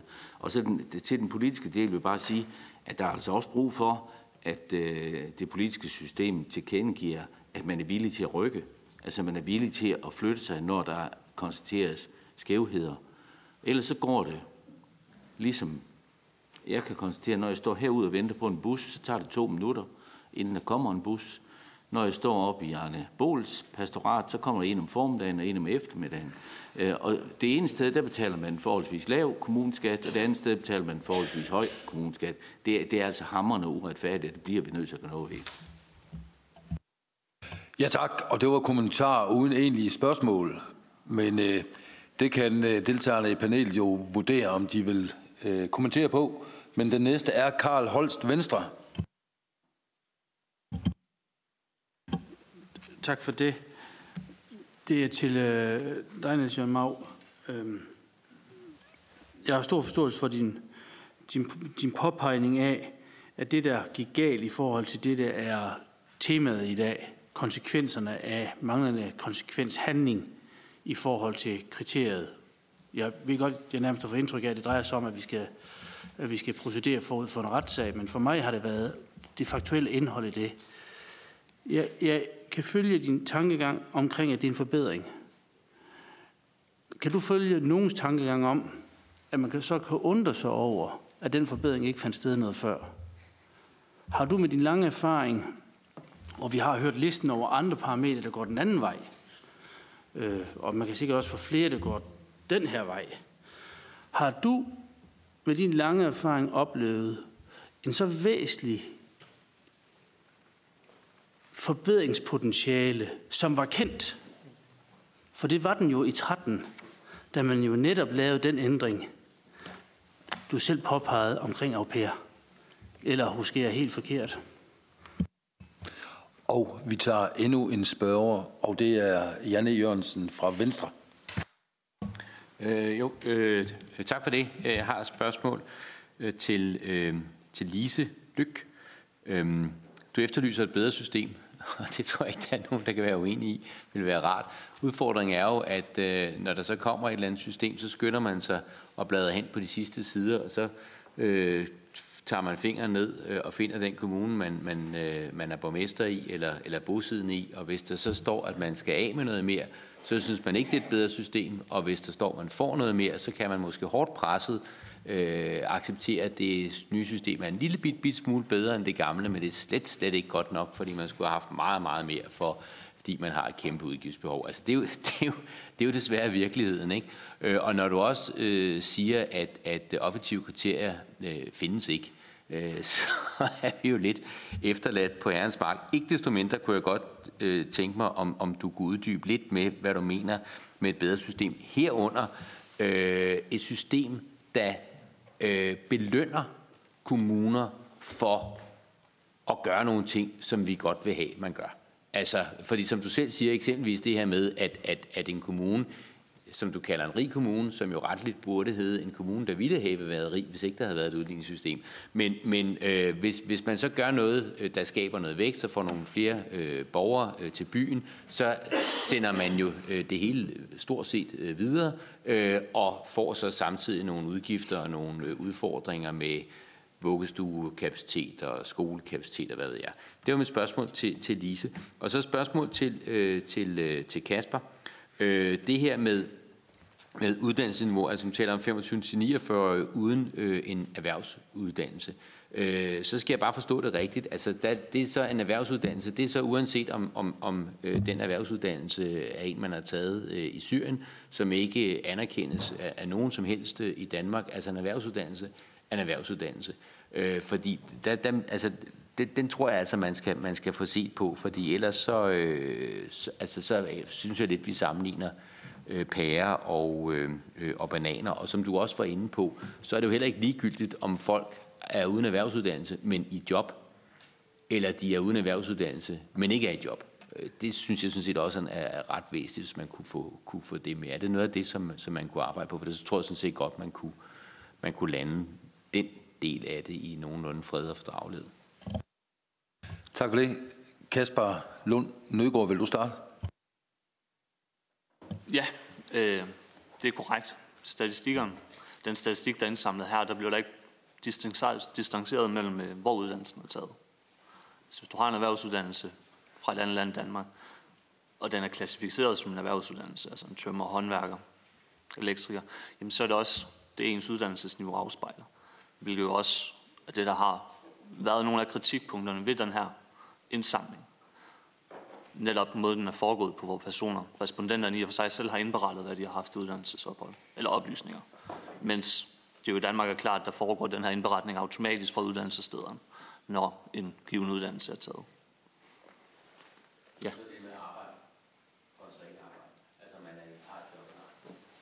Ja, det indgår ikke, det indgår ikke i kriteriet nu, men jeg er helt enig med dig i, at det er jo det, i og for sig det, som der har en betydning for, hvilke sociale udgifter du nok på sigt kommer til at udgøre, blandt andet i forhold til førtidspensionsområdet og beskæftigelsesområdet. Ja, tak. Lise Løk, værsgo. Tak for spørgsmålet. Det er uhyre centralt. Jeg synes, øh, det spørgsmål med incitamentstruktur, det er jeg rigtig glad for, at du rejser. Fordi øh, hvorfor har vi den her problemstilling? Det har vi jo, fordi vi ikke har en ordentlig regionalpolitik i Danmark. Fordi ved en regionalpolitik, der kan man både have fordeling og vækst inden. Her der kommer vi til at lave nogle fordelinger, hvor man kommer til at slåse med hinanden hele tiden. Og de kriterier, man øh, opstiller, de bliver mere og mere fjollede, for at sige det sådan lidt direkte. Og det, lige meget hvor meget man anstrenger sig på den her måde, så får man ikke et system, der kan komme til at virke. Så derfor er det lidt vigtigt, for ikke at sige meget vigtigt, at man ligesom starter og siger, hvad er det egentlig, vi skal her? For vi vil jo alle sammen have et velfungerende sammenhængende Danmark i vækst, ikke også? Det, det vil vi. Så hvorfor skal vi så have sådan nogle umulige systemer, hvor vi bliver låst mere og mere fast? Øh, man kan sige, at det vi har, det er jo et slags øh, millimeteragtigt system, der er blevet skabt hen ad vejen. Og vi ved jo, at vi fik den store skattereform i 1903. Og vi kender også øh, sagen, at det ikke lige øh, så nemt at have med at gøre, ikke sandt? Millimeterretfærdighed på den måde, det koster rigtig meget, uden at det bliver særlig retfærdigt. Og det er derfor, jeg siger her, for nu det her frem, hvad er det egentlig, man vil med udligning i den her sammenhæng? Og så når man har det, så kan man også lave et ordentligt system. Og jeg kan sagtens skitsere nogle muligheder til, hvordan man skulle gøre det. Men det er nok ikke lige stedet at gøre det her i dag. Men det vil ikke være millimeter øh, tankegangen, der er det styrende. Tak. Tak. Ja, først var der Ole Hav, der nævnte omkring ungdomsboliger og boligkriteriet. Ja, jeg, må, jeg må tilstå, jeg er ikke fuldt... Øh, min hukommelse er ikke helt tilstrækkelig med hensyn til det, om ungdomsboliger indgår. Jeg mener faktisk, at man, man, man tog ungdomsboliger ud af kriteriet for nogle år siden, men ellers er det da noget, man må, må kigge på, fordi der skal jo være en sammenhæng mellem, hvis det ikke er en befolkningsgruppe, der trækker på, på udgifterne, så, så er det det ved at overveje. Øh, med hensyn til kollektiv trafik, øh, så er jeg også enig i, at det er, hvis der lå, lidt lå i spørgsmål, det er ikke et, et område, der sådan er særligt tydeligt repræsenteret i udligningssystemet. Problemet er, at det er et forholdsvis lille område, nogle få milliarder i forhold til de der 240 og så videre milliarder, der, der samlet er. Og der er heller ikke rigtig plads til, til så mange flere kriterier, som Lise Lykke også var inde på, altså millimeterdemokratien. Men det kan jo være, at altså, nogle af de geografiske datamuligheder, der er, kunne være en mulighed. Øh, og med hensyn til, til Karl Holst, der spurgte om det med, hvorfor, hvorfor gjorde man ikke øh, det, øh, det hele noget tidligere? Hvorfor reagerer man ikke noget tidligere? Øh, altså for det første vil jeg sige, at det er jo en, en, en tung maskine, når, når man skal revidere sådan et udligningssystem. Man kan ikke bare tage et kriterium ud. Man skal sådan set hele beregningerne igennem. Det gjorde man så sidst i 2012, hvor man lavede en, en, en tommetyk betænkning. Øh, her i sidste omgang har man så lavet øh, også en betydelig betænkning eller rapport, men jo alligevel kun på, en, på, på delområdet. Det er i 2012, hvor jeg selv var med i det, der, øh, der var vi godt klar over, at, at øh, uddannelsesniveauet ikke havde en opdatering på, på øh, udlændings uddannelsesniveau. Der var ikke tradition for, at man så øh, henvendte sig til Danmarks Statistik og, og, og bad dem, og gav dem penge til at opdatere det. Øh, man måtte sådan set tage den statistik, der lå der. Øh, når der så bliver sagt, at vi kunne have gjort det i 2014, eller man kunne have gjort det i 2014, øh, den her statistik, som, som blev opdateret, den kom jo faktisk først i, jeg mener, det var slutningen af, af 17. Øh, så det havde man ikke kunne gøre. Altså opdateringen kom først langt senere. Man tog problemstillingen op, i finansieringsudvalget, som man skulle, øh, da man havde det her udvalgsarbejde, der blev sat i gang omkring 2016. Men, men det var jo først i, i, i 17, der man, man fik det, det datagrundlag, så, så jeg mener faktisk ikke, man havde, man havde mulighed for det. Så. Mange tak. Øh, se, det var en, en, en rigtig god første runde, og derfor kan vi godt nå en runde mere inden kaffepausen. Kort og præcist spørgsmål, svar. Og Karl, du får lov til at starte ganske kort.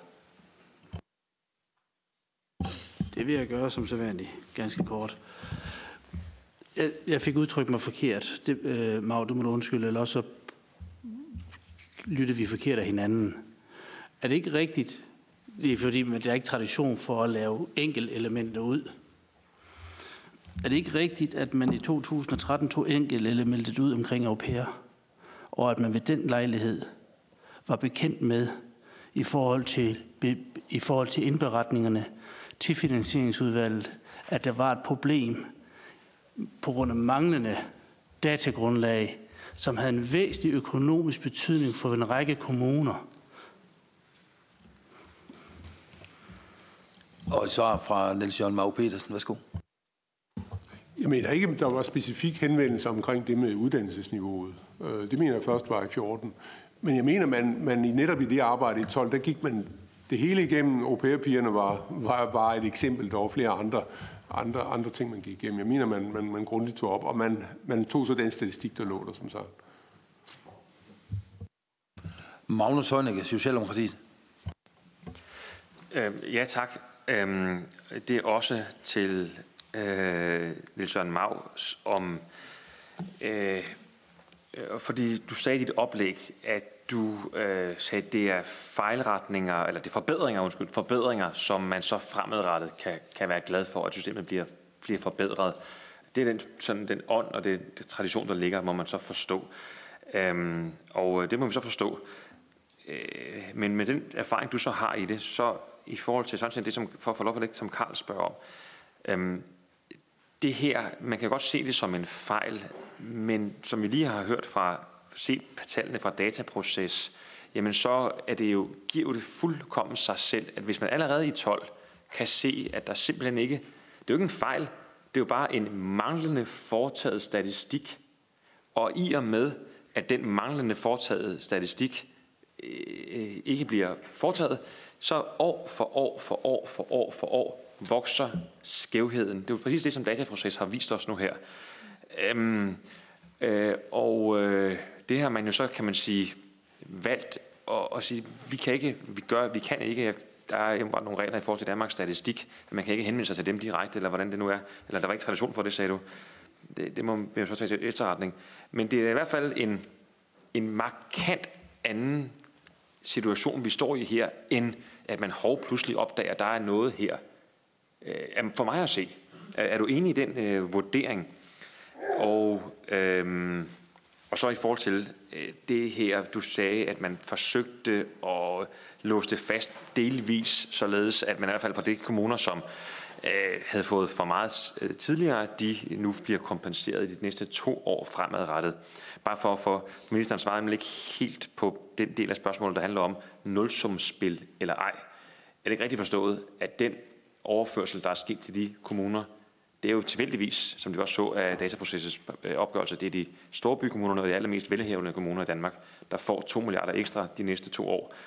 Øh, øh, er det ikke rigtigt forstået, at det er ikke et nulsumspil. Det er en finansiel transaktion fra Finansministeriet, som jo er temmelig væsentligt, når vi taler om, at vi kan løse det problem her. Lea Wermelin, Socialdemokratiet. Ja, tak for det. Øhm, jeg er sådan set meget enig med det, som Magnus lige har sagt i forhold til grunden til, at vi sidder her, er jo også den bekymring for skævhederne, som jeg synes, at dit oplæg, Kasper, meget godt viste, at fra den politiske intention, så ændrer det sig i virkeligheden til at blive helt nogle modsatrettede bevægelser.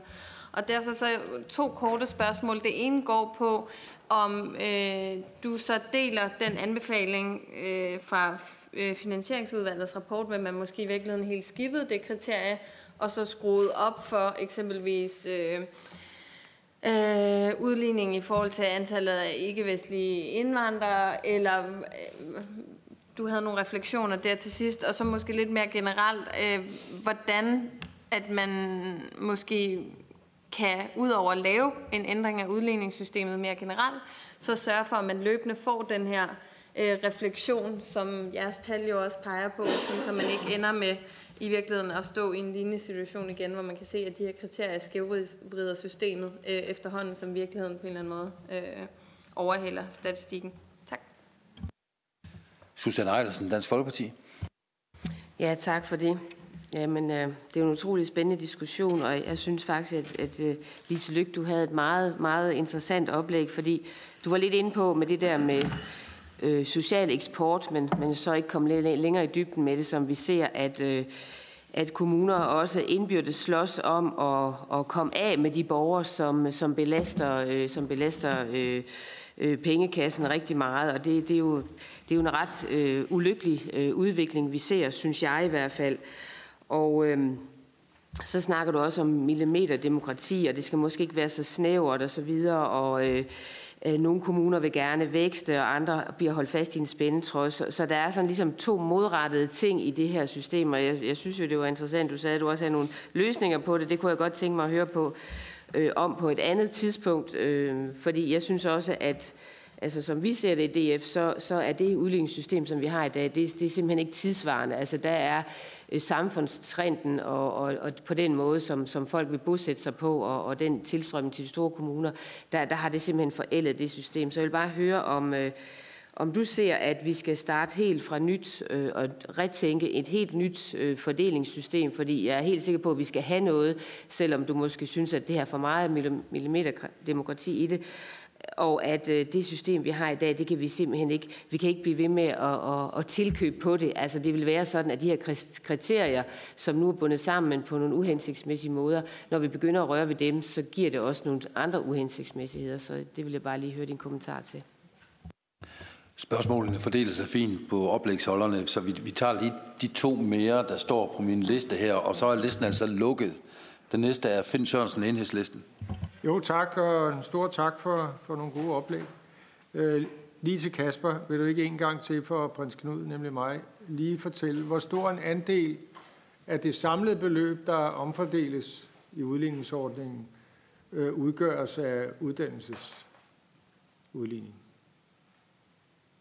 Det kan være, at du har en planche på det. Men, øh, ja, det er 28,3 milliarder igennem de her to kriterier. Og så er det, ja, så er det sådan, vi går op to tredjedel igennem 25 til 49 på en erhvervsuddannelse, og det sidste tredjedel af børn i familier, hvor forsørger der uddannelse. Jo, i, jo, men i forhold til det samlede beløb, der omfordeles ved udligningsordningen, hvor stor en andel udgør det så? Vi, vi, vi venter lige med at svare, Kasper, ja, fordi vi skal bruge mikrofonerne. Øhm, og så har jeg et, et spørgsmål både til Lise og til Mav. Og, øh, fordi nu er der nogen, der bliver talt om økonomiske incitamenter, det gjorde du også selv. Men dem er der jo ret mange af, øh, især på beskæftigelsesområdet. Og der tænker jeg på omlægningen af refusionssystemet. Det er jo blevet solgt som et økonomisk incitament til at få folk i arbejde. Øh, hvordan, hvordan ser I på, øh, på det øh, princip? Fordi set med mine øjne, så betyder det jo, at øh, kommuner, som har mange langtidssyge og mange langtidsledige, og ikke noget arbejdsmarked at placere dem på, de bliver der straffet helt urimeligt hårdt ved den omlægning af refusionssystemet, der har fundet sted. Øh, så er det den form for økonomiske incitamenter, vi skal have noget mere af? Eller? Ja.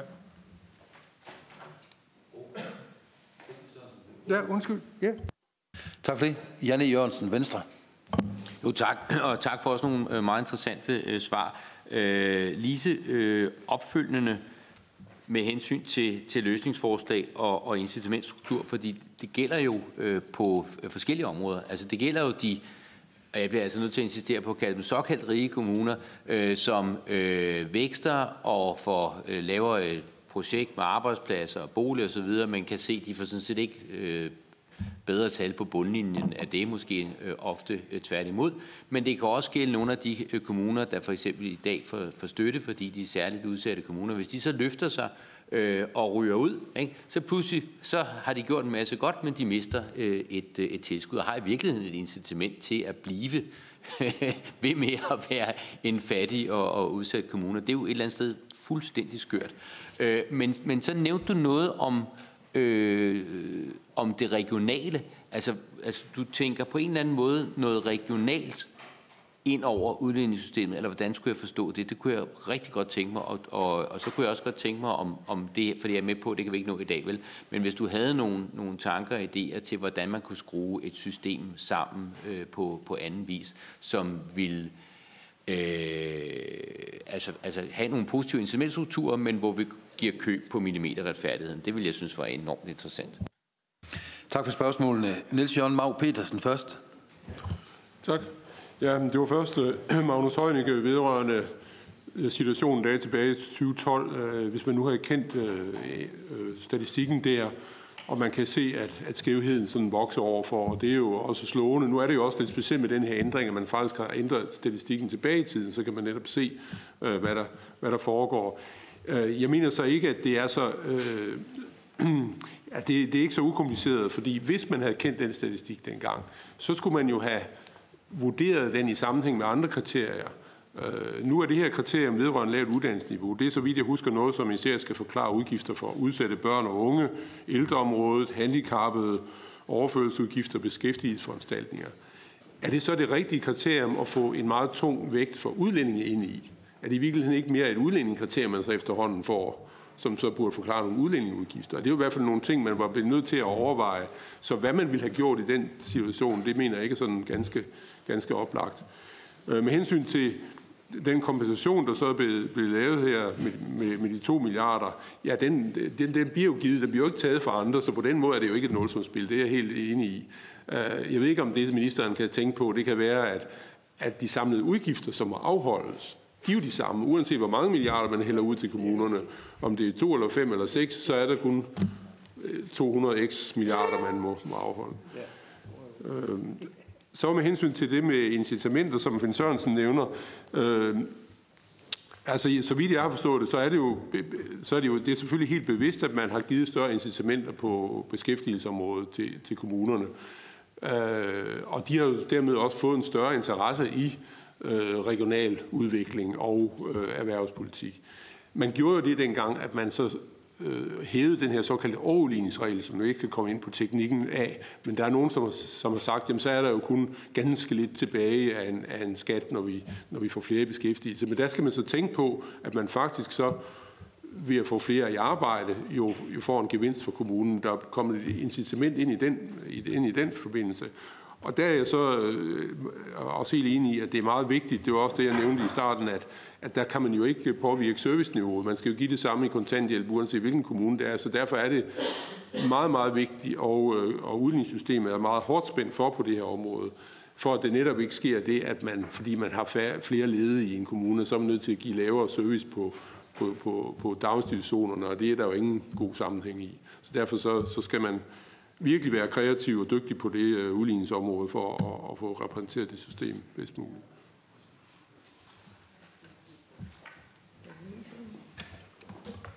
Lise Løk, værsgo. Tak.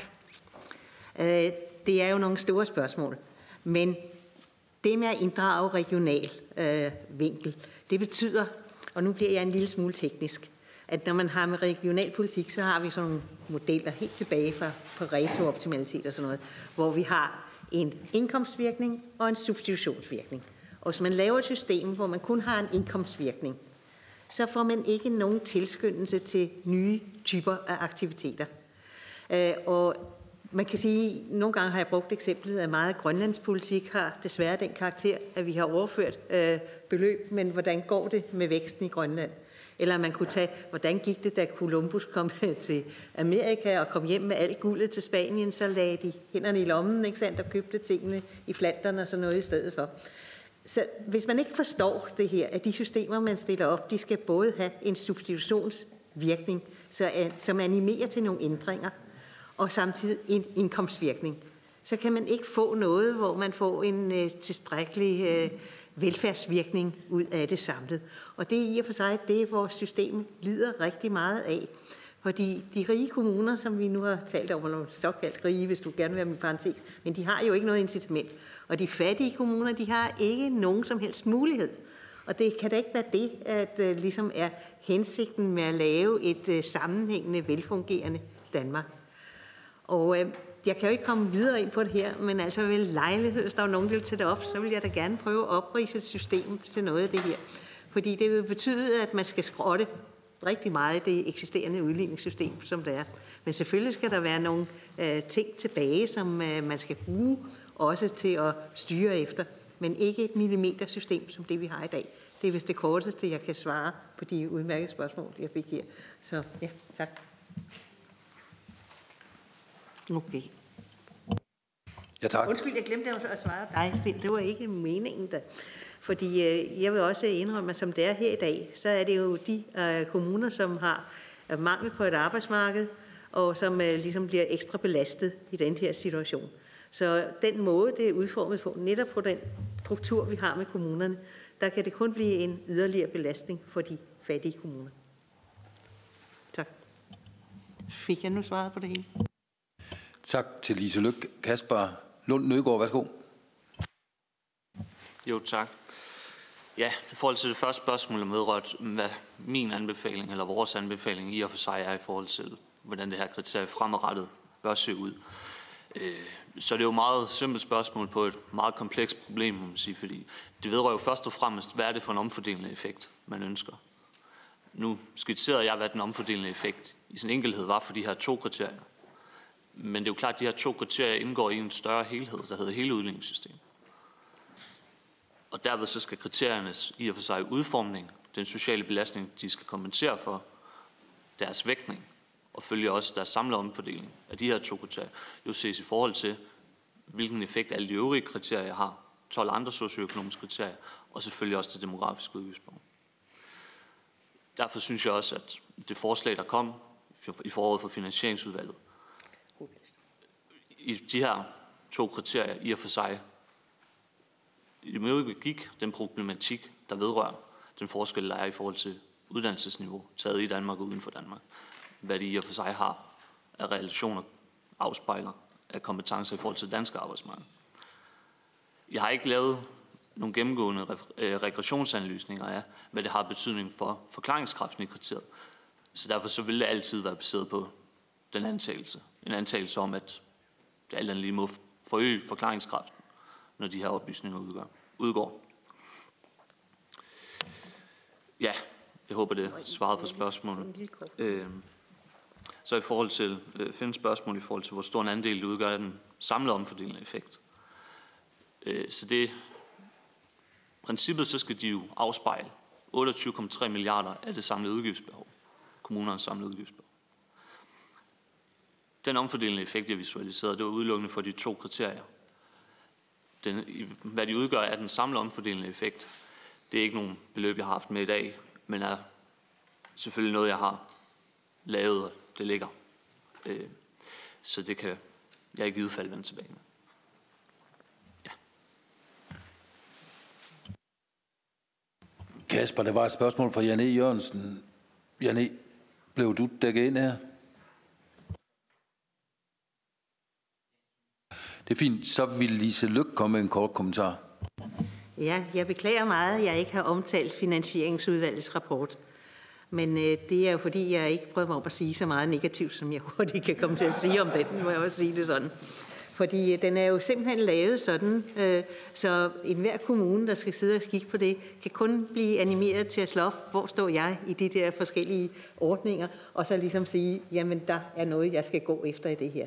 Og det tager slet ikke hånd om det, der er selve problemstillingen i udligningssystemet. Så derfor synes jeg faktisk, at det er en ret skadelig rapport, efter min mening. Tak. Rigtig mange tak for en øh, fantastisk god øh, første runde. Rigtig, rigtig god oplæg. Mange tak. Gode spørgsmål. Øh, god debat her. Det har faktisk været så godt, at vi har brugt kaffe, kaffepausen. Øh, men okay, noget går for ret. I får til kvart over. De, der har interesse i at være med og høre borgmesteren og den fortsætter debat, høring her, det er kvart over, vi er på plads. Og det er sådan, at der står kaffe og te derude, og øh, kaffe og teen må ikke tages med herind. Tak.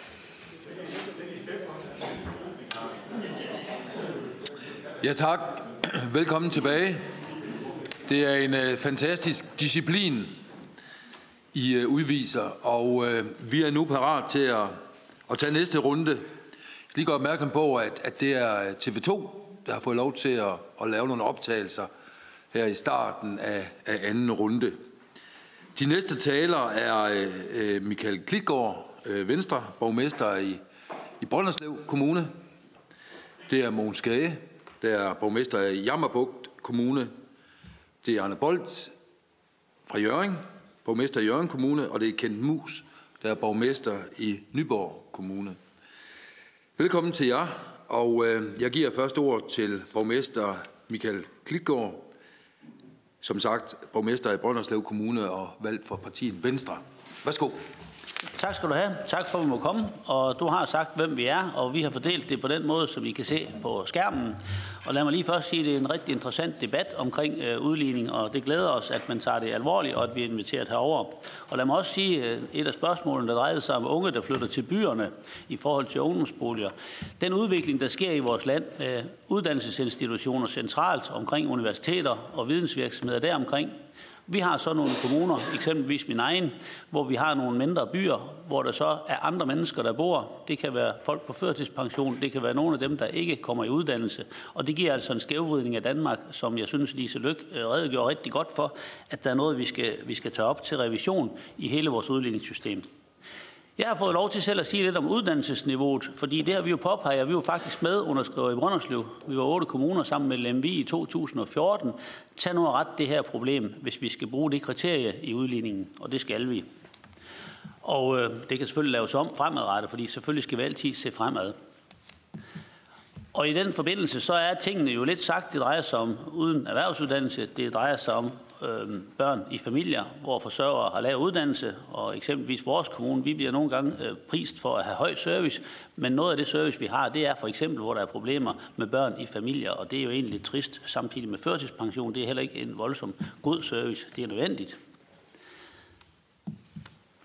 Tallene bare lige, og jeg indrømmer, at noget af det, jeg siger her, det har øh, Lise Løk og Kasper sagt, og jeg håber da sådan set også, det er de samme tal, ellers så har vi et problem. Øhm, samlet gevinst eller taber, her kan man se fra 15. Vi gør opmærksom på problemet i 14, selvom det opstod tidligere. Og det er jo 2 milliarder, der fordeles over til Region Hovedstaden, og jeg må sige her, hvis I kigger Region Nordjylland, øh, mester vi 326 millioner i de år, men vi er jo egentlig nogle flinke mennesker, så vi har sådan set kæmpet lidt mere for Region Sjællands øh, arbejde her med en milliard, og Region Syddanmark og Midtjylland. Men specielt Region Sjælland har jo nøjagtigt samme problemstilling, som vi har eksempelvis, hvor Kenneth kommer fra på Fyn eller i Nordjylland. Og hvis man sådan lige kigger her, så er det jo sådan, at øh, når vi kigger på de kommuner, som vi repræsenterer, så har vi lige skrevet tallene op her. Jeg ved ikke, om man kan se dem på skærmen, men eksempelvis øh, Jørgen minus 47 millioner i 2017 og 18, og vi holder os lige til de to sidste tal her. Vi går ikke helt tilbage. Øh, vi har Jammerburg med 36 millioner, vi har ned på Fyn med øh, Kendes Nyborg med 39,7 millioner, og så øh, den kommune, jeg repræsenterer, Brønderslev, hvor vi har tabt 25,7 millioner i de to år. Og det er jo faktisk sådan, når vi ser tilbage til 14, hvor vi registrerer tallene, der er det jo 50 millioner for vores vedkommende. Og når vi så siger, at det, øh, det er et problem det her, kunne vi ikke prøve at kigge lidt på det, og for øvrigt har været til møde med indrigsminister og gentaget, at der er et problemfelt her, så har vi ikke følt os øh, helt alvorligt taget imod. Og det har vi undret os lidt over, fordi vi synes jo, der har været andre udfordringer, øh, hvor, hvor jeg synes, vi her i Danmark skal kigge lidt på øh, den ens fordeling på anden vis, i og med at vi kan se, at splittelsen bliver større mellem rig og fattig. Og derfor synes vi, det blev lidt træls til sidst. Og da vi så her sidst også fandt ud af, at man ville kompensere dem, der havde fået for meget, så var det måske også der, der opstod en lille bitte smule vrede. Og jeg er faktisk sådan normalt en omgængelig person. Men øh, jeg har også en kommunalbestyrelse, og de er jo ikke altid slet så omgængelige, så de siger til mig, at du er nødt til at gøre noget, og det gør jeg så. Og vores borgere siger, jamen det kan da ikke være rigtigt. Skal vi ikke have vores penge? De står jo med lavere normering i børnehaven, lavere normering på plejehjemmene, end man gør i eksempelvis København, hvor vi har leveret øh, varen til. Det kommer kendt ind på lidt senere. Så derfor øh, var der ikke nogen tvivl om, at da vi samledes nogle øh, borgmester, så måtte vi jo gå tilbage til kommunalbestyrelsen og spørge, skal vi da lave en retssag mod staten? Og det blev vi enige om, det skal vi. Og det er vi da rigtig træt af. Og jeg tror lige, der blev væske i krogen her. Man kunne selvfølgelig tage og løse det politisk her. Vi har valgt kun at lave en retssag på 17 og 18, og det er efter juridisk rådgivning, og det er klar jura. Man har ikke fulgt den lov, der var, og så har man sagt, det er man ligeglad med. Så kan man diskutere, om man kan det eller ej. Vi har eksempel fra vandselskab, hvor man har vundet en sag, hvor ikke man føler, hvad der er. Så vi tror på, at vi vinder. Og jeg må så sige, at jeg synes faktisk ikke, det er den skønneste måde at bruge. Øh, jeg kan ikke ret godt lide advokater i al almindelighed, og jeg synes, de tjener for mig af. Men, øh, men øh, når så det er sagt, så kunne man jo måske prøve at finde en fornuftig, pragmatisk løsning, og det kunne man jo så aftale, ikke måske lige her ved bordet, men I kan i hvert fald overveje, om det var en mulighed. Fordi det her, det, det, har, det har som sagt gjort os lige en lille bitte smule ophidset, og, og vi øh, går den vej. Der er 12 kommuner, der har tilmeldt sig nu, og der vil være en 5-6 stykker mere, der gør det så finder man øh, en af kommunerne og får, får det her rettet op. Og det, det, det synes jeg, man er nødt til også lige at tænke lidt over, men det er ikke så meget med selve udligningen at gøre. Nu, nu har man rettet tallene op i 19, som der også har været sagt her. Det er jo fint. Men det her går jo galt igen, fordi der kommer faktisk nogen øh, til, specielt de der byer, som har vidensinstitutionerne med uddannelse. Det er eksempelvis København. Så der vil komme folk ind hele tiden. Det er endda så galt, at hvis de flytter igen, så er jeg ikke sikkert, at man registrerer. Men det er så, hvad det er. Men der, der vil opstå et problem igen, hvis ikke man holder øje med det her kriterie. Alternativt kan man jo, som der er sagt her, ændre hele udligningssystemet, så vi får et retfærdigt land, hvor vi får en ens udvikling. Og så tror jeg, jeg vil øh, slutte med det, og det var sådan mig omkring retssag og mig omkring det første her, og så er det Mogens Skade, der siger lidt mere. Så tak for det.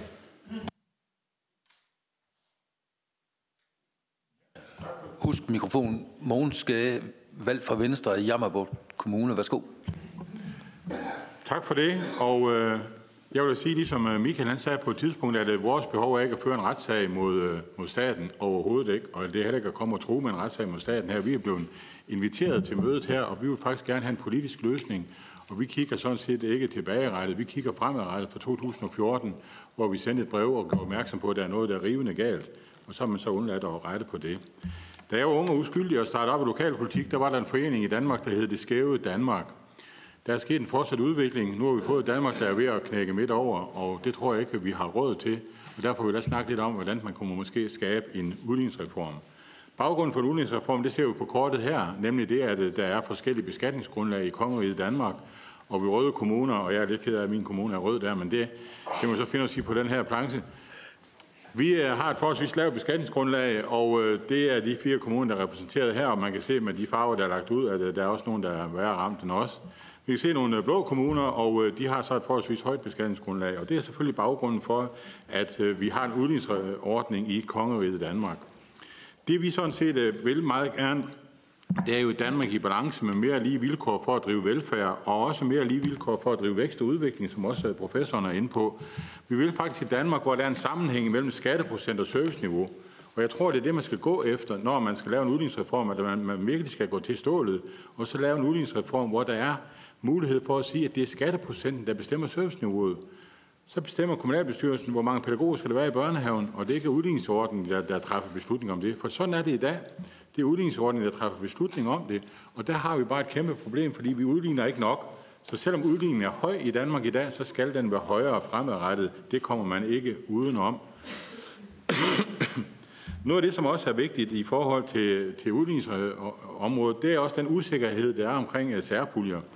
Hvis vi ser på vores øh, fire røde kommuner, så kan man se, at vi øh, er meget afhængige af de her udligningsområder, der findes ekstraordinært ud, for den, ud over den normale udligning. Vi skulle nemlig sætte skatten op med henholdsvis 1% og 1,2% og 0,9%, hvis ikke de ordninger de var der. Til gengæld kan vi se, at de blå kommuner, de kunne så klare sig med en lidt mindre skatteprocent. De kunne nemlig sætte dem ned med henholdsvis øh, 3,3%, 0,7% og 0, eller 2,0%. Så det vi, øh, det vi har som øh, fokus i forhold til, når vi tager den øh, rigtige udligningsdebat, det er sådan set, at der skal være en sammenhæng imellem skatteprocent og så serviceniveau. Og der er det, vi oplever nu, det er jo det, at vi tit oplever, at der er en høj skatteprocent og et lavt serviceniveau. Og omvendt, der er kommuner, der har et forholdsvis lavt øh, hvad hedder det, skatteprocent, men har en høj serviceniveau. Og det er jo det, som vi er nødt til et lille kongerige som Danmark at prøve at gå op med i en kommende udligningsreform. Og vi er enige i, som professoren siger, at der skal være incitamenter i den her struktur. Vi skal jo ikke have krone til krone. Det er ikke sådan, det skal være. Vi skal selvfølgelig bare have mere lige vilkår at drive kommuner under, som vi har det i dag. Så vi kommer ikke sådan og siger, at nu skal alting øh, være totalt ens, for det tror vi heller ikke kan, kan lade sig gøre. Noget af det, man kan se her, det er jo vores skatteprocenter i de her fire kommuner, som sidder her i dag, og vi kan se, at øh, de er høje i forhold til landsgennemsnittet, og det gælder alle de fire røde kommuner, som er her i dag. Så har vi fundet nogle blå kommuner, og deres skatteprocenter de ligger jo væsentligt under, under landsgennemsnittet. Så er det selvfølgelig i et kongerige som Danmark, hvor der er tv, og folk de kan følge med i, at der er lige så mange pædagoger i Gentofte, som der er i Javnborg Kommune, så er det selvfølgelig rimelighed i det.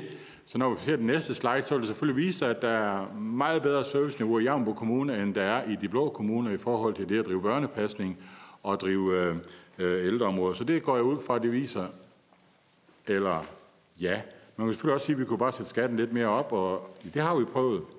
Vi har faktisk prøvet at sætte skatten rigtig meget op, så at vi øh, tangerer loftet, og der kan vi sige, at, at det udgangspunkt, øh, det, det, øh, det er der ikke længere, fordi det er urimeligt, at vi får endnu mere skævvridning imellem serviceniveau og så skatteprocent. Og vi kan se det her, skuffende nok, at selvom vi betaler mest i skat, altså har den største skatteprocent i de røde kommuner, så har vi faktisk ikke råd til at finansiere et serviceniveau, som er øh, højere end det laveste serviceniveau. Og øh, de blå kommuner, som har det øh, forholdsvis lave øh, hvad hedder det, skatteprocent, de kan så finansiere et højere serviceniveau. Og det betyder rigtig meget sådan sidst på måneden, hvis man tager et eksempel som Javnburg Kommune i forhold til at tage gennemsnitstallene på, på dagpasning her for de 0-13-årige, så vil det betyde 35 millioner kroner skulle vi kunne tilføre vores dagpasning bare i lille Javnburg Kommune for at komme op på gennemsnittet bare. Hvis man ser på ældreområdet, så skulle vi have 60 millioner kroner mere at gøre godt med for at komme op og finansiere gennemsnittet i forhold til ældreområdet. Og lad mig bare sige, det kan godt nogle gange være svært at forklare borgerne, hvorfor at, øh, de ikke kan få den samme serviceniveau, som de kan se i tv, at øh, der er andre steder, hvor vi måske kun får gjort rent hver tredje uge, hvor andre kommuner måske går rent hver eneste uge. Så det er øh, faktisk et problem, synes jeg, i et, et land som Danmark, at man ikke i Folketinget vil løse den her opgave for os. Og jeg synes bare, at opgaven den er forholdsvis simpel, nemlig det, at man går ind og siger, at der skal være et forhold imellem skat og serviceniveau, og så må man finde ud af, hvilke kriterier der skal være, og så kan det godt være, at der er nogle kommuner, der falder igennem, og dem må man så sørge for at kompensere løbende. Men udgangspunktet må være, at når borgerne de går til valg og skal stemme på nogle partier hjemme i deres kommune, så må de have et udgangspunkt. Nogle partier de går ind for en højere skatteprocent. Dem vil vi gerne have, fordi de leverer mere service. Eller andre de siger, at vi vil gerne sætte skatten ned. Dem vil vi gerne have i stedet for. Men det har vi ikke i dag, og det er det, vi anmoder om i forhold til det at drive en udligningsreform. Og så kan jeg bare sige ganske kort, en engangskompensation, det vil gøre, at kommunerne i rød farve her vil kunne være flydende, indtil der kommer en rigtig udligningsreform. Og derfor kunne jeg ønske, som øh, professoren har udtalt, at man øh, skød brystet frem som politiker og sagde, ja, der er begået en fejl, lad os kompensere for den.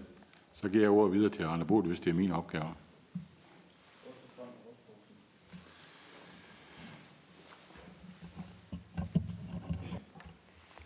Ja, og øh, I kan huske de der søjler, som Mogens han lige har, har vist, at det var noget med 20.000, hvis I lå tallene sammen, der var i forskel. Og øh, jeg skal tale lidt omkring den her usikkerhed, øh, som det giver i budgetprocessen.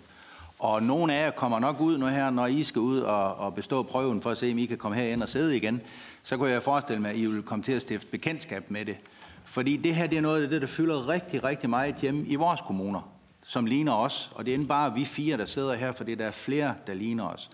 Hvis I bare lige tager de her nødhjælpspuljer, som øh, jeg ved hvor godt I kan se det, men så kan jeg lige sige det, at, at de puljer, som vi får til likviditet, og vi får til kommuner, der har vanskelige vilkår, og så de her tilskud til særligt vanskeligt stillede kommuner, ja, det betyder det i Brønderslev, at det er næsten 58 millioner, som de sidder og venter på. Det er det, vi gør. Vi sidder og venter til sidst i september. Får vi dem, eller får vi dem ikke? 91 øh, millioner i Jøring og 60 i Jammerbugt og 30 millioner ved dig, Kenneth. Hvad betyder det så af servicerammen? Og så begynder det her at blive spændende. Det betyder faktisk at Brønderslev Kommune 3,52 procent af deres serviceramme. Mine damer og herrer, det er helt vildt. Det er helt vildt. Og I skal huske på tallene lige før, hvor meget vi i forvejen er. Så når vi kommer ud og skal tale om det her i forsamlingshuse, gader og stræder, og lægge de her tal frem, så forstår de den. Vores borgere, de forstår det ikke. Og så begynder vi også at tale sort. Fordi så begynder vi at tage øh, Niels Jørgen Maus sprog. Og det er der sort øh, snak, ikke også? Fordi der er jo ingen mennesker, der kan forstå det. Og vi er nogen, der har været i politik i mange år, der sidder her. Vi kan også huske hvorhen, at I sagde, jer der sidder her i Folketinget, at den eneste, der har forstand på det her, det var Niels Jørgen Mau. Og der er nogen af jer, der kan sidde og nikke til det her, det har I selv sagt. Og nu er Niels Jørgen her ikke længere, altså åbenbart. Øh, og nu går det rigtig galt, kan vi også sige. Øh, det her, det skal selvfølgelig tages med et, øh, et lille øh, græn øh, sådan af smil på læben, men alligevel, alligevel, så tror vi, vi gør klogt i, det er i hvert fald det, vi oplever, vi fire her, når vi kommer ud tæt på og i særdeleshed dem, der står i den situation, får vi tilskud for de her puljer, eller får vi ikke tilskud for de her puljer.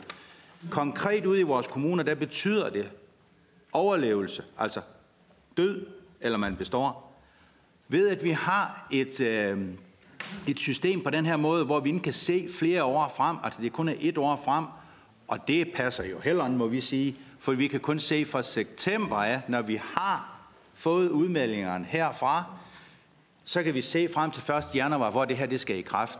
Og ude i vores kommuner, der får det den betydning, at i de selvejende institutioner, der sparer de faktisk lidt mere hele løb, øh, i løbet af hele året. Jeg får mange tæsk for enhedslisten for det, fordi de siger, brug nu de penge, der er på budgettet. Men når de ved, at hvis det er sådan, at næste år, så fik vi det her, for det har de prøvet nogle gange, så bliver de simpelthen rystende nervøse til, at vi må heller lige passe lidt på. For det gør vi inden det, så står vi i den situation, at det bliver meget værre i 2020. Øh, nu er vi flinke mennesker, så derfor så sætter vi selvfølgelig krydset over de veste der, og tilbage i skabet med dem. Men det er da klart, at når vi sidder her, og der er 12 kommuner, der har tilmeldt sig en retssag, og at øh, der kommer flere til, det er jo grænseoverskridende, som flere har sagt. Så vil jeg bare lige tage én ting frem, og jeg tror, at ministeren, han øh, talte, øh, vi tager ham for gode varer, i hvert fald i forhold til det, han sagde. Han sagde faktisk i dag, at i forhold til de 3,5 milliarder, det her det er noget borgeren, de forstår. Det er kun jeg, der forstår det. I forhold til de 3,5 milliarder, som er det ekstraordinære finansieringstilskud, altså for at vi overhovedet kan få de her ender til at nå sammen, i forhold til det niveau, I har set med de 20.000 kroner i forskel på hovedet, for at vi overhovedet kan det, så er de der 3,5 milliarder livsnødvendige for os. Og der hørte jeg ministeren sige faktisk for første gang i dag, og jeg kigger ham stift ind i øjnene, og han blinkede ikke. Og så sagde han, det er selvfølgelig en forudsætning for at kan få det her til at hænge sammen, at de her 3,5 millioner, sådan hørte jeg ham sige det, fire er i spil i forhold til det her. Og det er vi helt enige Og derfor øh, er det, som mine kollegaer siger her, hvis vi lige skal trække vejret et øjeblik, uden at øh, der skal trues med hverken det ene eller det andet, som vi er særlig begejstret for, så er det nok vigtigt, at der bliver lavet et eller andet politisk forlig i forhold til, at vi kan få lov at trække vejret i et års tid, sådan der kan blive lavet en ordentlig, gennemarbejdet øh, udligningsreform, øh, som også kigger på de udfordringer, eksempelvis en hovedstad og andre har. Fordi selvfølgelig ændrer det sig i løbet af tid, og i bund og grund, os der har været med i mange år, vi har det sådan, at det handler om tillid det her. Og den tillid, den er ved at forsvinde for os. Og nu skal de gule veste, nu skal de bare væk. Så derfor, så værsgo Kenneth. Tak for det. Så vil jeg gøre det lidt mindre dramatisk øh, i forhold til de gule veste, fordi læg mig i forlængelse af, at øh, det vi søger er i virkeligheden, som der også er adresseret rigtig fint her i dag, det er, at man både på den korte, men også på den lange sigt får skabt nogle løsninger, som til gode ser øh, de udfordringer, vi alt andet lige ikke mindst også hører her i dag, og som jo presser vores hvad hedder det, økonomi rundt om, og ikke mindst i de kommuner, vi repræsenterer, men jo kan adderes med en lang række øvrige virksomheder. Jeg vil øh, først øh, kaste mig over skæv demografisk udvikling, og de to øh, grafer, der er vist her, de viser, hvordan udviklingen den sker på indbyggere Nyborg holdt op i mod København, Gentofte og Frederiksberg. Og man kan jo se, at normalvis så glæder vi os over i kommunerne, at vi har befolkningstilvækst. Det kappes vi er til øh, faktisk om her med de to grafer, og det det adresserer, det er, at vi kan se, at når jeg kigger ud fra en Fyns platform fra Nyborg, så vokser min, eller min udvikling i indbyggertallet i perioden her fra 17 til 18. Den øh, har faktisk lidt nedadgående knæk i året fra 17 til 18. Og det, der er den store udfordring, det er, når man ser på, hvordan det forholder sig demografisk, ja, så er det ældreandelen i forhold til 67 plus, øh, der udvikler sig. Det betyder et mindre indtægtsgrundlag, det betyder et øget øh, udgiftpres. Samtidig så er det sådan, at indbyggertallet, hvis jeg kigger med udsigt fra Nyborg i forhold til øh, København, Gentofte og Frederiksberg, så er indbyggertallet her steget betydeligt mere, og der er ikke noget i folkeprognoserne, eller folkeprognoserne der tilsiger, at det skulle blive anderledes.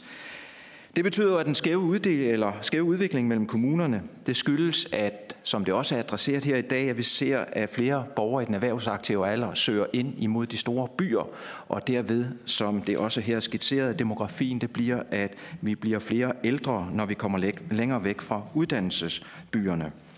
Det vil sige en større udvikling, eller en udvikling med større andel af ældre i økonomisk pressede kommuner. Ja, det betyder, at vi i forhold til den udlænding, vi har, sættes yderligere under pres. Kigger vi på udviklingen i udgifter til sundhed, ældre og forsørgelse, så er vi valgt her at adressere øh, i de her øh, tre øh, søjler, hvor vi holder øh, op imod København og Nyborg. Og det, at øh, grafen her viser, søjlerne viser, det er udgifterne eksempelvis til den aktivitetsbaserede medfinansiering af sundhedsudgifterne per indbygger siden 2007, er steget dobbelt så meget i eksempelvis Nyborg i forhold til København. Og det, der gør det rigtig udfordrende for os, det er, at vi jo faktisk ikke her som kommuner med det system, der eksisterer i dag, har nogen indflydelse på at ændre denne øde øgede økonomiske udgift for kommunerne. Fordi det er jo ikke reguleret ved demografi. Det er heller ikke sådan, at vi kan være med til at påvirke i forhold til, at vi forebygger bedre, altså sikrer, at folk ikke har behov for ydelser i sundhedsvæsenet, fordi det er faktisk ikke det, den økonomi, at øh, vi efterfølgende øh, holdes op foran. Den næste søjle, den midterste, den viser udgifter til offentlig forsørgelse. Det er også adresseret i dag. Og der er det sådan per indbygger, der hvor jeg kommer fra, der udgør næsten dobbelt så meget som i København, Gentofte og Frederiksberg. Det er lige omkring et par 20 procent af budgettet i Nyborg øh, Kommune. Det er også sagt her i dag, hvilke øh, udfordringer det giver der, som eksempelvis førtidspension jo er en fast ramme, vi ikke har mulighed for at ændre på. Og sidst men ikke mindst, øh, så er det sådan, at når igen de ressourcestærke, de måske flytter væk og ind til uddannelsesbyerne, og hermed så vokser andelen, også som det er adresseret i dag, af borgere, der har et særligt behov.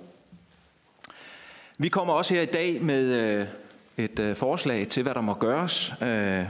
Ikke at vi tror, vi når helt i mål, men det, der er konklusionen på indlægget, som jeg har hørt her i dag, det er, at skævheden i udligningen den har store konsekvenser for kernevelfærden, for det er jo det, vi udfordres os på, og det er også det, Arne her adresserer. Det er svært at forklare ude i forsamlingshusene, at det er på grund af den aktivitetsbaserede medfinansiering, at vi nu skal skære ude i børneområdet eksempelvis. Vi mangler pengene, og det påvirker servicen. Samtidig så er det, at vi peger på, at den demografiske udvikling siden 2007, den har skævvredet øh, Danmark og undermineret den nuværende ud, eller det nuværende udligningssystem. Der er simpelthen ikke en udligning, der tager højde for den forandring, der sker i demografien. Det er der behov for. Og det bliver bare værre og værre, øh, hvis det er, at man ikke gør noget. Og der vil vi gerne hilse velkommen det her med, at der skal findes en politisk løsning. Øh, der er adresseret her øh, fra eksempelvis Lise Løg, det her med på kort og længere sigt. Der er en lang række andre øh, forhold. Nederst så skriver vi, hvad der skal der til. Ja, der er behov for en grundlæggende udligningsreform med en højere grad af udligning, så kommunerne de får muligheder for at finansiere en nogenlunde ensartet service for borgerne. Og her skal det tage højde for blandt andet øh, demografi så er det sådan, at reformen den skal gøre op med de eksisterende lappeløsninger, fordi det er vel den anden udfordring, at vi står overfor, det er lappeløsninger igennem tiderne, som ikke har gjort det nemmere, ikke i hvert fald mere gennemskueligt, og måske endda på områder jo har skævvredet yderligere, der hvor man har lappeløst over tid. Samtidig så vil vi gerne have muligheden for at skabe en god og langsigtet økonomisk planlægning, fordi den usikkerhed, vi står overfor, den er simpelthen ikke rimelig for borgerne. Sidst men ikke mindst, så uh, peger vi på, at den dækning af kommunernes tab ved datafejlen vil kunne give ro omkring budgettet for 20, mens at Folketinget forhåbentlig arbejder og finder en løsning. Tak for ordet. Mange tak til alle fire for nogle meget klare, tydelige anbefalinger og oplæg i forhold til skævhed i den kommunale udligning. Vi har øh, nu spørgsmål fra folketingsmedlemmerne. Det er først Finn Sørensen, enhedslisten. Jo tak, og tusind tak, fordi I kommer. Øh, og tak for nogle meget klare budskaber, der kommer fra jer. Jeg forstår godt øh, jeres opmærksomhedspunkt med det her uddannelsesudligning. Det er jo rigtig mange penge, det handler om. Især for kommuner, som jo i forvejen har nogle alt for stramme budgetter, der gør det rigtig ondt, det her. Øh, I kommer sikkert også for at få en politisk melding og den kan jo ikke blive præcis, fordi hvis man er præcis her og siger, ja, I skal have en kompensation frem til en eller anden dato, så skal man vide som politiker nøjagtigt, hvor mange penge taler vi om, og man skal også have finansiering med. Og det har jeg så bare ikke klar. Jeg skal nok finde penge, ikke? Men øh, det dur jo ikke noget bare at slynge et eller andet øh, ud. Øh, men det er da bare en politisk melding. Vi skal ikke, øh, hvis det står til enhedslisten, igennem en opslidende retssag, for, som jo er ødelæggende, som flere har peget på, øh, for os alle sammen, kan man sige. Så bare den melding. I har jo givet en glimrende skildring af, hvad, hvad problemerne er. Jeg vil godt sige, hvordan vi ser på det. Hovedproblemet, der er masser af skævheder i det udligningssystem, men hovedproblemet, det er jo den finanspolitiske stramme styring af kommunernes økonomi. Den økonomiske ramme er simpelthen for lille. Der er budgetloven med dens lofter og dens sanktioner, og så er der de generelle skævheder i udlændingssystemet. De skal også rettes. Men vi er også nødt til, tror jeg, at fokusere på nogle rammebetingelser, som jo er årsagen til, at kampen er blevet så uforsonlig, som den er. Øh, og det kan I jo faktisk selv få noget indflydelse på. Den økonomiske ramme, den har I indflydelse på en gang om året. Hvis I vil bruge magt, så kunne der godt komme nogle andre økonomiaftaler ud af det, øh, der bedre til gode se, øh, ser det behov øh, for at få økonomisk dækning for de velfærdsopgaver, øh, I skal øh, løse. Og så er der budgetloven. Ja, det kunne I også få lidt indflydelse på øh, ved at formulere nogle klare krav til ændringer. Loven skal jo øh, revideres her i marts måned, siger regeringen. Det er lidt forsinket. Der skulle der komme et oplæg fra regeringen til en revision af budgetloven. Så det er vel nu, I skal spille ind med nogle klare krav til, hvad I mener, at den der revision den skal gå ud på. Og så er der udligningsproblematikken. Øh, øh, ja, der må jeg bare sige, at enhedslisten er enig i de principper, I har skitseret. I al beskedenhed har vi jo lavet et oplæg, som nogle af jer kender, øh, til hvordan man kunne imødekomme det. Og jeg synes, der er to elementer, øh, det, som jeg også selv fremfører. Landsudligningsprocenten skal simpelthen i vejret, hvis man skal have et solidarisk udligningssystem. Og så skal man efter vores opfattelse også se på øh, Øh, refusionsomlægning, som vi synes er dybt uretfærdig over for de kommuner, der har øh, store forsørgelsesproblemer med langtidsledige og langtidssyge. Det er de to ting, der skal løses efter, efter vores opfattelse. Øh, og, øh, og det tror jeg, der flugter med, hvad mange kommuner øh, mener. Men så vil jeg bare sige, jeg synes, I er for flinke. Og I slås for meget indbyrdes. Altså de store rammebetingelser og strukturelle ting, dem kommer I jo ikke igennem med, så længe I ligger og slås om øh, at fordele elendigheden. Så det er sådan set mit budskab til jer. Altså, I må jo se i øjnene, ligesom finansministeren og flertal her på Christiansborg. Man kan ikke løse de problemer, der er med udligningssystemet, hvis man ikke tilfører flere penge til det system. Det er jo ikke nogen løsning at omfordele elendigheden og sige, at så skal hovedstadsområdet betale for, at I kan få en højere landsudligningsprocent. Altså det dur jo bare ikke. Det kan være sjovt, og det trækker overskrifter, men det er jo ikke nogen løsning. Så I bliver nødt til at rådde jer sammen, og så få de der gule veste på. Tak. Magnus Heunicke, Socialdemokratiet. Tak for det. Øhm, mange tak til de fire borgmestre, som virkelig kommer herind som vi også havde håbet på, men i topform og på tværs af Danmark, på tværs af partier, øh, fremlægger jeg jo fuldkommen øh, klart, og vi er jo også i enighed, krystalklart, hvad er det problemet er. Øh, for der er jo det her ved det her problem, det er, at det har fået lov til at vokse, og det rammer øh, med øh, laserpræcision de øh, kommuner, som, øh, som i de her år, der nu er gået, har fået det svære på på de andre kriterier, som vi, jo, som vi også har, har gennemgået her. Det er jo det, der er, er sagen. Øhm, og derfor så øh, fra os socialdemokrater vil jeg sige, det var jo også der tog øh, initiativ til den her høring og blev bakket op af et enigt øh, udvalg, så tak til udvalget for at bakke op om det her. Øh, det er meget afgørende, at øh, altså, jo mere viden, jo mere viden man får om det her emne, jo mere bliver man overbevist om, at vi kan ikke sidde og, og kigge på det uden at gøre noget ved det.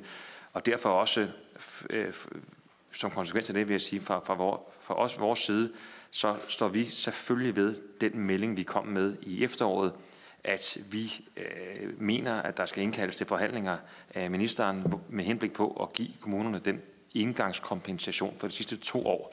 Og jeg kan forstå nu, at det er det, I har låst, låst ind på også, at det er en toårig øh, periode. Det vil jo også give god mening, for det spejler jo så en til en den kompensation, regeringen har valgt at give de mest velstillede kommuner fremadrettet, så kan man så spejle det bagudrettet. Og til enhedslisten kan jeg sige, at vi har svar fra, fra ministeren om, det 2,1 milliard kroner, som øh, vil kunne findes. Hvis man gør det på samme metode, som regeringen har gjort med dem, der har fået for meget indtil nu, jamen så vil det være en finansiel transaktion. Så er der jo derudover masser af, af, af, af gode, vigtige ting at forhandle om i kommuneaftaler og andet. Så, så, øh, så det, kan, det, kan, det kan man også gøre. Men, men det, jeg hører jer sige her, det er, at I appellerer til Folketinget om nu, med henblik på nu, ikke at vente til et folketingsvalg eller efter nogle forhandlinger om udligningsreform, men nu redde jeres budgetter i kommunerne, lave den her øh, løsning. Og det vil jeg sige, de ord vil jeg gå til mine, og appellere bredt til Folketingets partier om at være med til det. Vi er i hvert fald klar. Øh, der kommer jo desværre ikke nogen løsning i finansloven, så nu mener jeg, at nu bør vi gøre det. Så, så det vil jeg godt øh, øh, appellere til. Tak for det. Orla Hav, Socialdemokratiet. Ja, tak for det. Tak for nogle gode oplæg. Øh, jeg synes, I har en god sag. Øh, det skal ikke øh, være en tvivl om. I skal, I skal også vide, hvad der I bliver mødt af her i huset. Det er jo, at enhver regering vil gå udenom den her sag, fordi den ved godt, at hvis den hjælper nogen, så, de, så synes de ikke, det er nok. Og dem, de tager noget fra, de synes, det, det er helt dybt uretfærdig. Så det er sådan set den natur, I er oppe og slås med herinde i huset. Men jeg synes, I skal fortsætte, for jeg synes, det aller værste ved det, som øh, er blevet beskrevet her i dag, det er sådan set, det går ud over dynamikken i vores samfund. At vi, får ramt, vi bliver ramt på, at øh, dynamikken bliver samlet for få steder, øh, og at der er nogle steder, hvor, man er helt, hvor det er helt umuligt at øh, sætte øh, ind med nogle, en dynamik, der er med til at skabe nye jobs og øh, fremgang i samfundet. Det jeg så vil spørge om, det er jo til Mogens Gade. Jeg, jeg kan godt forstå det fromme ønske i at have en, øh, en sammenhæng mellem serviceniveau og skattetryk. Men når nu alle mantra herindefra, de lyder, at borgerne skal have samme service, uanset hvor i landet de bor, hvordan vil det så spille ind på den situation, du gerne vil have som idealsituationen, at der er sammenhæng mellem service og så øh, skatteniveau. Det vil jeg gerne have dig til sådan at filosofere lidt over, Måns.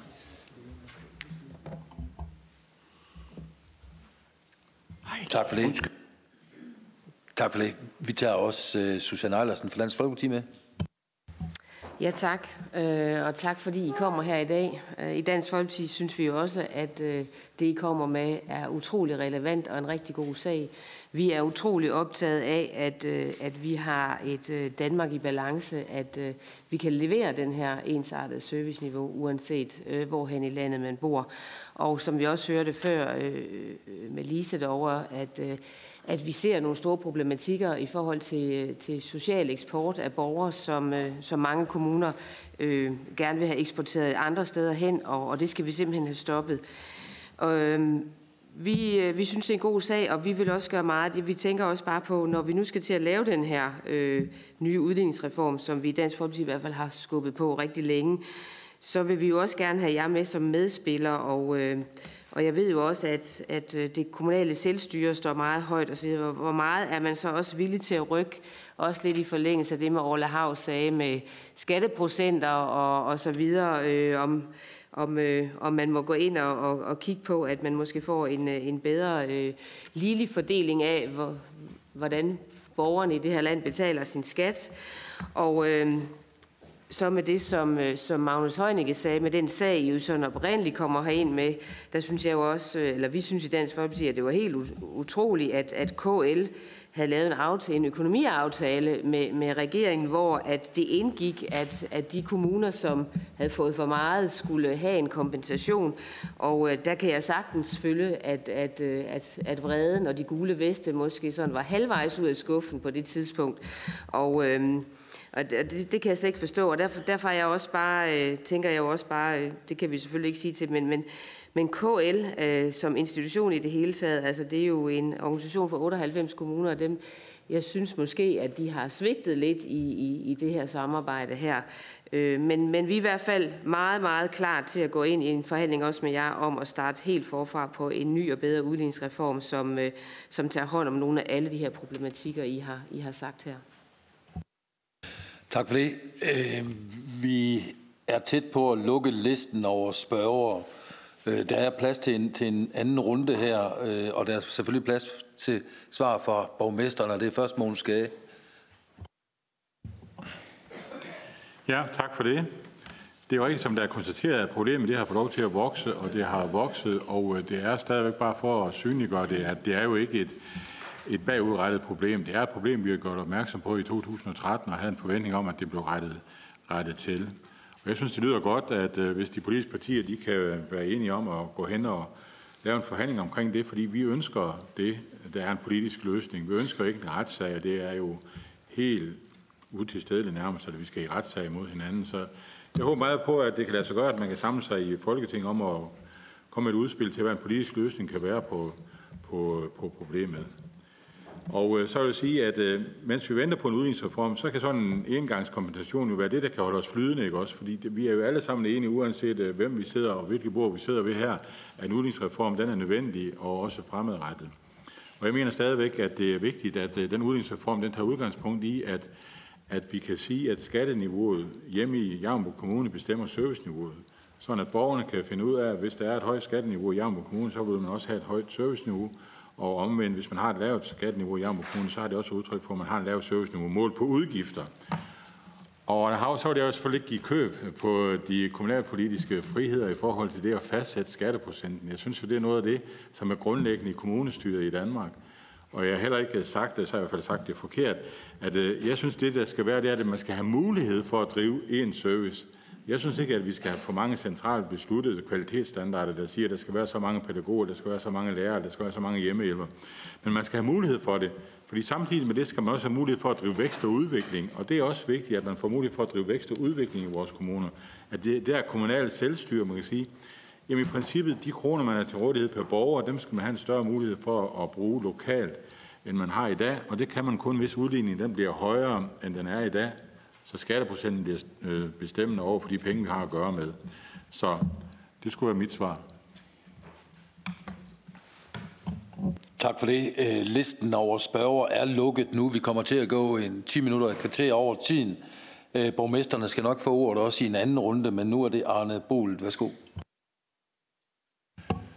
Ja, ja, tak. Jeg vil bare lige sige lidt, øh, jeg skal gøre det kort, øh, omkring KL. Øh, først så vil jeg sige, at øh, KL har jo været igennem den samme tur, som vi nu sidder her. Øh, vi har haft øh, forskellige møder med KL for et stykke tid siden i forhold til at få dem til at være mere aktive, blandt andet i de her spørgsmål. Og det gik jo også så vidt der, ikke at vi havde en retssag, men at vi fik det op på generalforsamlingen, og at der blev et flertal i forhold til, at det her det kunne man begynde at beskæftige sig med. Det vil bare sige, at det har været en ganske, ganske vanskelig sag, tror jeg godt, vi kan sige herfra. Og så vil jeg sige, at det er ikke rigtigt, at øh, KL bakkede op omkring øh, den finansiering til, øh, til øh, de kommuner, der nu øh, kom til at mangle penge, fordi at man rettede øh, den fejl, der var, eller hvad det nu er, MAV. Øh, fordi det var faktisk øh, skrevet øh, helt i bunden af aftalen og var uden øh, for selve aftalen. Ellers vil jeg bare også sige, så havde det godt nok blevet en ballade. Michael Klitgaard, værsgo. Tak, ja, og bare lige altså retssagen. Når vi nu holder på det to år tilbage, så er det ikke ene venlighed. Det er fordi, at rent juridisk, så skal man sende en stævning. Der er faktisk en forældelsesfrist. Vi skal ikke ind i noget med forældelsesfrist. Vi har tænkt os, at det her det holder vand så vi vil egentlig gerne have penge lidt længere tilbage. Men det kan være, at vi kan falde til ro på et eller andet niveau. Det må vi prøve at arbejde med. Men jeg vil bare lige sige til noget af det, der bliver sagt. Altså noget af det her, som vi snakker om i dag, synes jeg er vigtigt at få sagt op til flere gange, at vi skal skabe vækst i hele Danmark. Fordi uanset hvor meget, det duer ikke, vi har så stor indkomstforskel. Og vi har jo tækker og bedt. Vi var så glade ved os, da vi fik 38 statslige arbejdspladser. Og egentlig kan man ikke andet mor sig en smule om, det var ekstremt vigtigt. Og den italesættelse, der var, det var da en katastrofe for de sølle mennesker og stakler, der kom over og bo ved os. Der kom så ikke nogen, men vi beholdt faktisk et par stykker hjemme. Det var jo skønt. Så bare for at sige, hvis man understøtter lidt af det, uddannelsesinstitutionen, får dem flyttet lidt ud. Der er jo sket en centralisering i Danmark, det er der, og, og det kan vi sætte pris på i nogen sammenhæng. Men lad os nu lige prøve at kigge lidt tilbage og sige, hvordan skaber vi det her land, sådan det fungerer. Fordi husk lige, at 50 procent lever engang af noget, der var relateret til landbrug. Og nu har vi så ved os, som er en rigtig landbrugskommune, vi kan se, at det går sådan her. Og det vil sige, at det er en vældig udvikling, vi er inde i. Og derfor er vi nødt til at prøve at ændre tankegangen. Hvordan skaber vi vækst rundt omkring overalt i Danmark, sådan at de områder, vi øh, repræsenterer her, øh, også kan have en god, ordentlig hverdag med en ordentlig service. Og KL bliver altså ikke enige om det her, det skal jeg lige erkende. Og så ved jeg godt, man kan selvfølgelig sige, at man kan bare gå op til højeste niveau, men øh, der kan jeg også politisk sige, det tror jeg ikke er løsningen på det her, fordi vi er ikke ude efter at lave et helt nyt socialt system, som overruler det hele. Så det kan godt lade sig gøre at fordele tingene lidt anderledes. Men en bitte skilling ekstra, det beder vi om hver år med KL, så det arbejder vi jernhårdt på. Og det, der skal jeg så bare sige, uanset, uanset hvilken regering, uanset hvilke partier det er, så har jeg jo ikke oplevet, at nogen af dem lige er voldsomt flink. Så det er bare til orientering. Ja. Tak for den oplysning. Kenneth Mus, værsgo. Der er sagt mange øh, kloge ting af mine kollegaer her, og, og, men jeg får jo også lige øh, behov for at øh, adressere det her med, at øh, skulle vi have et ensartet, eller i hvert fald mere ensartet skatteudskrivningsgrundlag og ensartet serviceniveau. Jeg tror ikke, det er det, at vi angler efter i yderste konsekvens, hvis det var det, jeg forstod, at, at øh, man sådan centralt fra skulle øh, påvirke det. Der er stadigvæk en vigtig pointe i det kommunale selvstyre. Så vil jeg jo gerne sige, at det er jo en lang række andre elementer, man kan, som det også øh, jo er fremlagt og her øh, spurgt til i dag, inden at man begynder at tænke på, at vi bare skal ensarte alle kommunerne. For det tror jeg simpelthen ikke på. Der er forskel i strukturer og i måde, vi gør tingene på. Det tror jeg, man skal holde fast i. Men det betyder jo ikke, at man ikke kan lave en udligningsordning. Fordi det, der vel er problemet, det er, når man, man beder også kommuner samlet K98 om at komme med en løsning Altså det må være herinde, at man er med til at finde ud af, hvordan vi sikrer en lige fordeling og vækst og udvikling i hele Danmark. Fordi i takt med de 61 procent, som er udligningen mellem kommunerne, den går op, så stiger konfliktniveauet imellem kommunerne, og det er jo selvfølgelig også en, en udfordring. Fordi vi anerkender, som det er på kommunal medfinansiering, at, at der er en kompensation landsmæssigt, men når vi kigger ned, så er problemet jo ikke, at øh, pengene er givet sådan, at det dækker hele landet. Problemet er jo den måde, de er fordelt imellem kommunerne. Så ja til at kigge på udligningsprocenten, men også, at det må være herinde, at man, som det jo også her i dag er adresseret, at man tager fat om den opgave. Og det er jo kun glædeligt. Tak for det. Med seks politikere på listen her, så er det nu, vi virkelig skal vise, at vi forstår, hvad det vil sige at fatte os i korthed. Janne Jørgensen.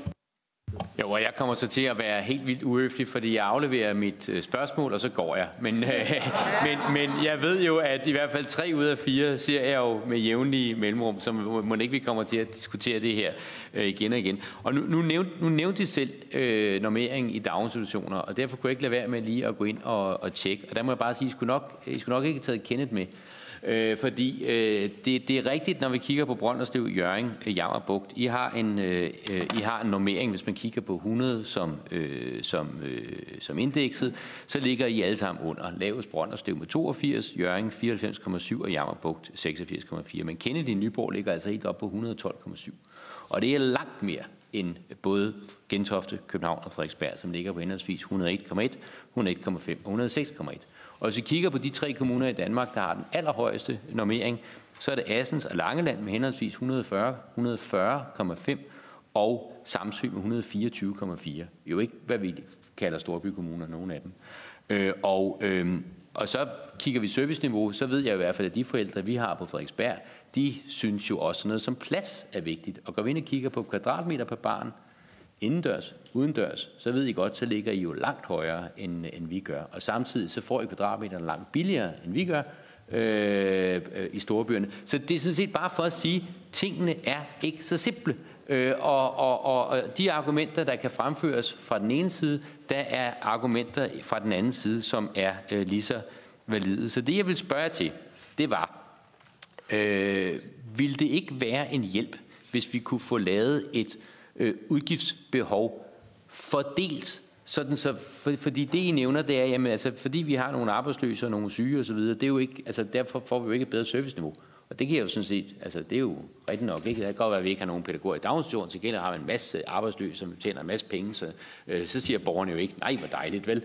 Øh, så, så, så der tænker jeg, at man kunne få noget af den her debat kvalificeret, hvis man fik sådan en, en, en opdeling. Og det andet, jeg vil spørge jer til, det var, vil I være villige til at gå ind at få regnet på det her med udlændingens udlændingeniveau, men så tage de argumenter med i debatten, som kommer fra den anden side, hvor man siger, at det er da rigtigt nok, selvfølgelig skal en neurokirurg øh, fra, øh, fra Australien øh, ikke til på samme måde som en, en, en dansker uden nogen form for uddannelse. Janne Jørgensen, kort. Ja, ja, jeg, jeg, jeg, er færdig, jeg er færdig om tre sekunder. Til gengæld giver det heller ikke meget mening at sammenligne en, øh, en syrisk advokat med en, øh, med en, øh, en, øh, en dansk øh, tømrer. Lea Wermelin. Ja, tak. Det var, lige, det var lige før, jeg også øh, fandt min gule vest frem nu her. Jeg synes, jeg blev lidt øh, provokeret, men det kan være, det er, fordi jeg kommer fra Bornholm, og Jan han kommer fra Frederiksberg. Øh, jeg noterede mig bare, da ministeren var på, at han sagde, at debatten om alt det her øh, var løbet af sporet. Det var egentlig lidt ærgerligt over, fordi netop som Bornholmer og som jeg sidder i landdistriktsudvalget, så synes jeg jo i virkeligheden, at I er øh, spot on.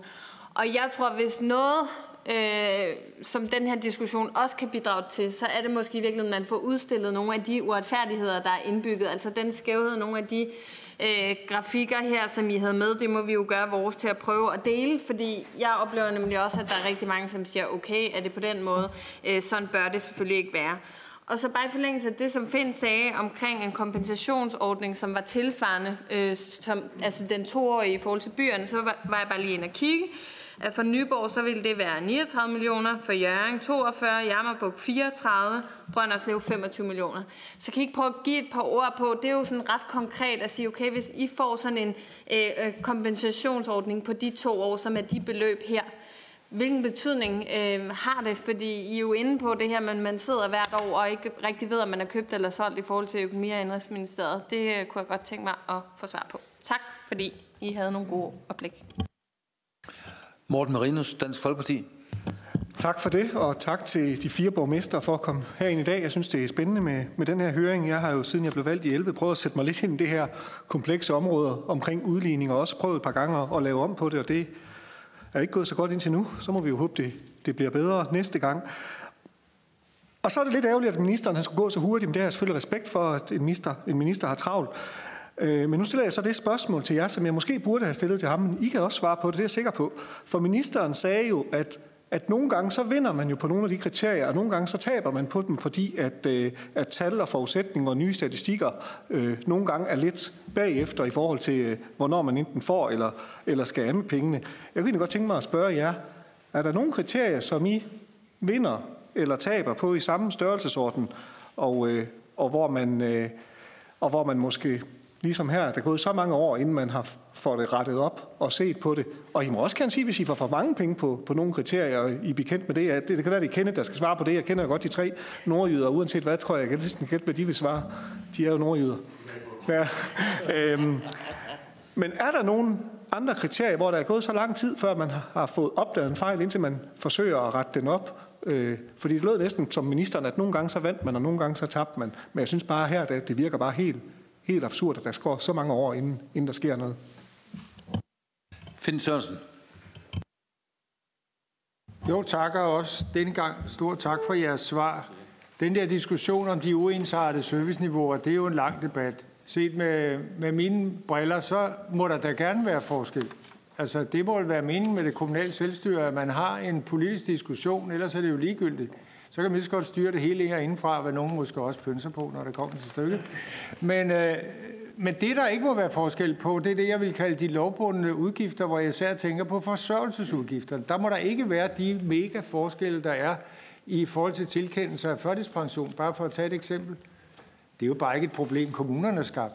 Det er jo dem, der har lavet loven, der har skabt det problem at den er skruet sammen på den sådan måde, at der er så øh, helt vildt øh, store øh, skøns muligheder, og derfor kommer forskellene, fordi forsørgelsesudgifterne går hen og bliver en del af kampen. Skal vi nu spare på de arbejdsløse, eller skal vi spare på de ældre, eller på daginstitutionerne?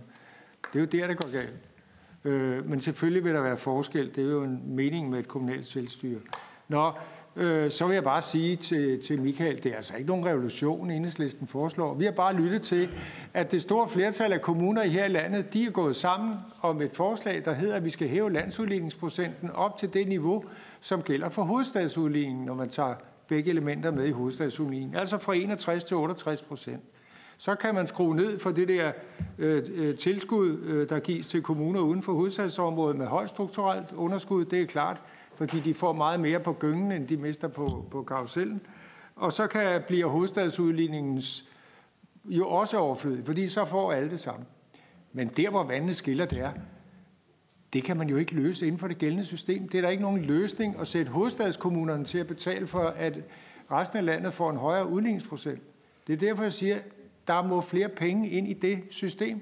Og det har vi så lavet et regnstykke, hvor det kan gøres øh, snilt. Det koster mange penge, ja, men der er med også forsvundet mange penge ud af kommunernes økonomi gennem de sidste mange år. Nå, de 2,1 milliard, og så refusionssystemet også, det mener jeg også er, skal i spil. Øh, de 2,1, ja undskyld, det har jeg sgu da glemt, det er da rigtigt, Magnus. Du har jo løsningen. Jamen, øh, det giver vi håndslag på her, så mangler vi bare et enkelt parti. Nu kommer jeg til at pege der. Øh, på den anden side. Det er der, du skal pege på. Så har vi et forslag øh, klar øh, og et flertal. Men så spørger jeg lige, kan I så bruge de penge, I får på grund af budgettet? Loftet. Tak til Finn Sørensen. Magnus Højninge. Øh, ja, to kom- korte kommentarer her til sidst fra mig her. Og det er, I er jo så øh, repræsenterer nogle af de kommuner, som er i gang med den her øh, retssag, og I siger, at I alt er en 17 anden kommuner. Bare for fuldstændighedens skyld, så vil jeg sige, der findes jo også kommuner, som er 100% enige med jer, men som af forskellige årsager har valgt at sige, at vi er ikke med i den her retssag, men vi er 100% enige, og problemet er præcis så stort hos os. Så det er ikke kun 17-18 kommuner. Det er langt, langt, langt, langt øh, størstedelen af vores kommuner i Danmark, det er i så, i så landkortet. Og bare for at sige som kommunalordfører, taler jeg med borgmestre og øh, byrådsmedlemmer, gruppeformænd og, og kommunaldirektører fra hele Danmark. Og uagtet, at nogen er med, uanset at nogen er med, og nogen er ikke med i den her øh, retssag, vi hører også, hvad I siger i dag, om det vi helst undgå sådan set, så er det et brændende behov. Et brændende behov. Og øh, derfor er det også helt afgørende, at vi på den her høring, og nu kigger jeg også over på, på Dansk Folkeparti, fordi regeringspartierne vil jo åbenbart ikke. Så, så, så øh, det er jo sådan set, det er jo sådan set jer, der, der, der, der har muligheden. Øh, øh at beskeden fra jer kommuner til os i Folketinget, alle partier, der synes, der udtrykker interesse for det her, det er, vi kan ikke vente på en ny udligningsreform, et nyt finansieringsudvalg af det her. Fordi det her, det er en her og nu indgangskompensation, vi taler om, som opfølgning på den kompensation, regeringen valgte at give sidste år. Det gjorde man altså bare sådan her. Og hvis man, jeg hørte lige nogen viskede over fra Dansk Folkeparti om, om finansiering, hvor er den henne? Der har jeg jo stillet spørgsmål til øh, indrigsministeren om, hvordan finansierede de den kompensation til de kommuner, der havde fået for meget. Og der var svaret ved en finansiel overførsel fra Finansministeriet til kommunerne. Og det er præcis samme finansielle overførsel, vi foreslår. Og det vil sige, hvis regeringen kan sidde og give 2,1 milliard kroner til dem, der har fået for meget indtil nu, øh, så kan det også lade sig gøre at give 2,1 milliard kroner til dem, der har fået for lidt. Så udstår der, som enhedslisten er inde på, kan man bruge pengene, og hvad med budgetlov, og hvad med øh, kommuneaftale, og det har vi respekt for. Det arbejde skal også være der. Men det her nu, det er sådan set det, vi har. Og det kan ikke vente på hverken en ny øh, forhandling eller et folketingsvalg. Det er sådan set nu, at vi skal have den øh, forhandling med ministeren. Jeg kunne sådan ønske, at Folketinget kunne være sit ansvar voksen og rette op på den fejl, som, øh, som har så kæmpe konsekvenser for velfærden derude. Tak. Susanne Ejlersen. Ja, tak. Jamen, så afventer vi ministerens svar og ser på det. Men øh, kunne vi nu finde de 2 milliarder på udgifter til udlændinge, så kunne det godt være, at vi kunne give håndslaget her i dag. Så det er så nok lidt noget helt andet, hvad man bruger ude i kommunerne. Men det var slet ikke det, jeg ville, øh, ville, øh, ville kigge, øh, sige. Det var, at... Øh, vi vil alle sammen gerne en ny uddeling, og øh, vi vil også rigtig gerne tage ansvaret på os herinde.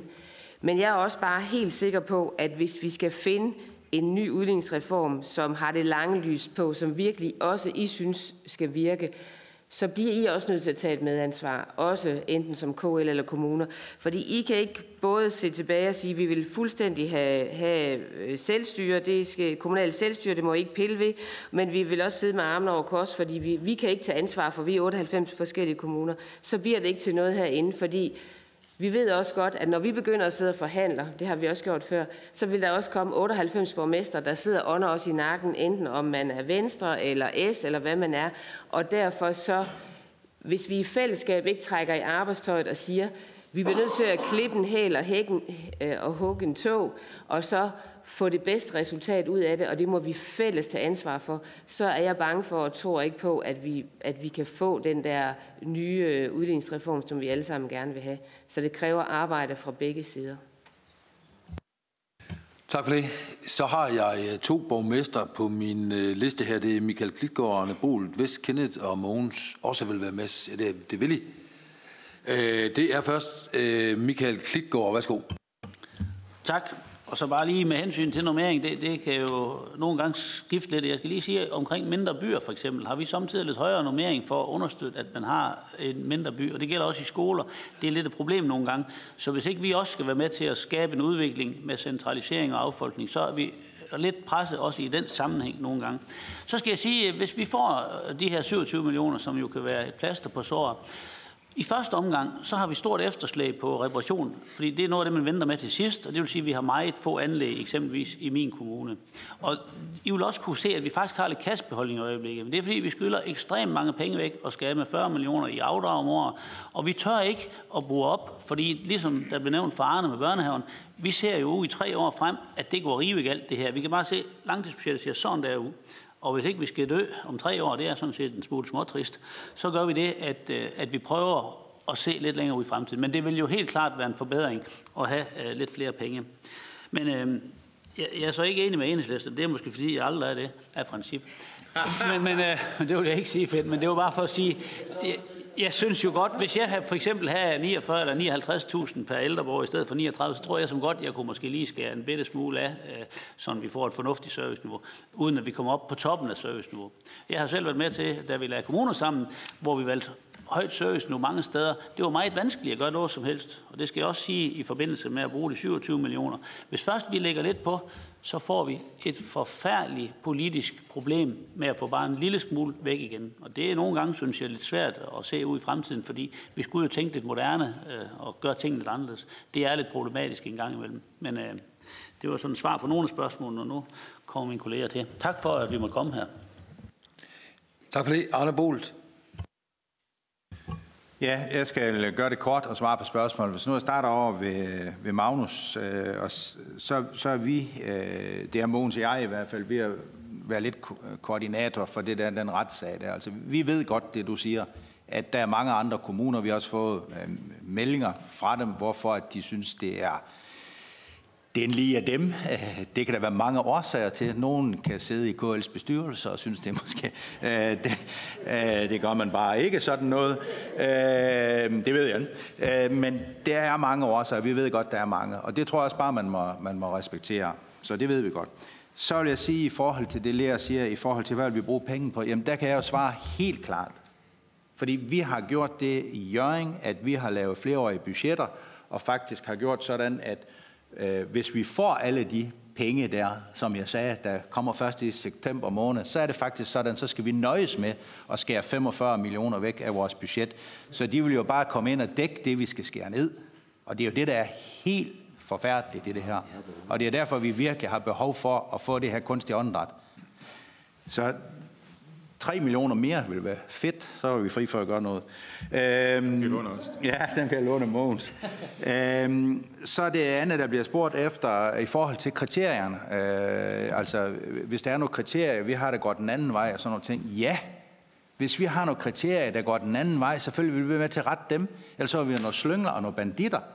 Fordi det her, det burde nemlig handle om, hvilke partier, der har de pæneste borgmestre det tror jeg, jeg vil bruge her. Øh, øh, det her, det handler jo om noget, der er meget mere vigtigt. Det handler jo om, hvordan det er, at vi skal kan finansiere den service, som vi alle sammen faktisk sidder her for. Altså jeg, der sidder i Folketinget, hvor der også der sidder herude. Vi er nu engang valgt af borgerne. Den service, vi skal kan levere til borgerne. Og her må man, synes vi, et kort øjeblik lige kan lægge den politiske dagsorden til side i forhold til, om øh, der er en borgmester, der hedder et eller andet bestemt, eller hvad det nu er, der bliver man altså nødt til at ske nogle helt andre sko, sådan at man får, at vi nogenlunde, fordi det er vi enige heroppe, vi ser jo en fuldstændig ens service, en nogenlunde ens service, Niels Jørgen Mau, som der står faktisk som overskriften i forhold til udligning, at det er det, der er mening med den, det er, at den skal kan give kommunerne en nogenlunde ens service, og mere øh, forlanger vi faktisk ikke. Tusind tak for, for at møde jer, det har været fantastisk. Selv tak. Kenneth Mus. Så vil jeg bruge ikke mere end et halvt minut og sige sådan på det spørgsmål, der kan vi bruge pengene? Altså i det budget, jeg sidder sammen med mine kollegaer og kigger ind i, så har vi indarbejdet, ligesom at det Arne hentyder til, sparerammen til senere udmyndning, altså i overslagsårene. Og her kunne man jo eksempelvis øh, godt bruge pengene, og det er jo også det, der skaber den store usikkerhed. Hvad er det for en, det kommende år, vi går ind i? Hvad fortæller det ud i organisationen? Hvad fortæller det borgerne? Kan vi være sikre på, at vi kan finansiere de udgifter, vi har, eller skal vi overskære i velfærden i normalområdet, hvor vi jo typisk skal finde pengene? Og så vil jeg også gerne sige tusind tak for muligheden for at være med her i dag. Selv tak. Mogens Gage. Tak for det. Omkring KL, så må man nok sige, at KL de har nok løst den opgave, de kan øh, ved de nordjyske øh, kommuner i god sammenklang med andre kommuner tvang øh, KL's bestyrelse til på topmødet i 2017 at gå ind for at snakke om udligning. Og lige siden der har man jo så hørt KL's formand snakke om, at vi ønsker en udligningsreform, så der er faktisk fra KL's markeret, at man ønsker en udligningsreform, og senest også på køftopmødet herude i Aalborg, der blev der også øh, snakket om udligning. Så jeg tror ikke, vi kommer det længere med, at KL lige kan sige mere om det. Så er det rigtigt med forsørgelsesudgifterne, som det blev sagt af Finn Sørensen. Det er jo de faste udgifter, de fylder rigtig meget i vores kommuner, altså de faste udgifter til vand, varme og lys, ikke også? og så har vi færre penge til for sommerland, nemlig til de borgernære serviceområder. Og det er jo, sådan, det er jo det, den måde, vi er ramt på, kan man sige. Og det er jo, det er jo aktuelt sådan, det er. Jan E. Jørgensen han burde blive her, fordi øh, det er jo klart, at hvis han læste køfttallene, så vil han se, at den kommune i Nordeuropa, der har lavet normering på børnepas, det er Jambo Kommune. Vi bliver fremhævet hver eneste år. Sagde du Nordeuropa? Nordeuropa, ja. Kompensation. Ja, vi skal lappe hullerne. Både på vejene og i vores bygninger, men også i vores driftsbudgetter. Så vi har rig mulighed for at bruge det, og vi kan også bruge dem i forhold til både anlægsniveau og i forhold til serviceramme. Så, så vi skal nok bruge dem fornuftigt, det lover vi. Morten Marinus, ja, vi øh, opdagede lige pludselig, at Nordjylland de vandt på det område, der hed aktivitetsbestemt medfinansiering. Og hvad skete der så? I løbet af tre kvarterer, så har man sørget for at få det rettet væk, så at øh, det område, hvor Nordjylland de vandt på, det fik man simpelthen bare kørt væk, så at det skulle vi ikke have lov til at vinde på. Det gik så galt, at Arne Bo, der undertegnede, vi indkaldte topledelsen fra KL's bestyrelse til møde i Aarhus for at snakke med dem om, at der havde de endelig fundet område, hvor vi havde gevinst. Det tog man så forholdsvis øh, roligt, og så fik man det streget ret hurtigt. Så vi ønsker en højere udligningsprocent. Vi ønsker fastholdelse af de 3,5 milliarder i forhold til det. Vi ønsker en politisk løsning. Vi ønsker en politisk løsning her og nu i forhold til den opgave, der er stillet. Og så ønsker vi selvfølgelig en udligningsreform, som kan træde i kraft fra 2021, og det håber på, at Folketinget de kan klare at løse for os. Vi ønsker ingen retssag. Tak fordi vi måtte komme. Selv tak.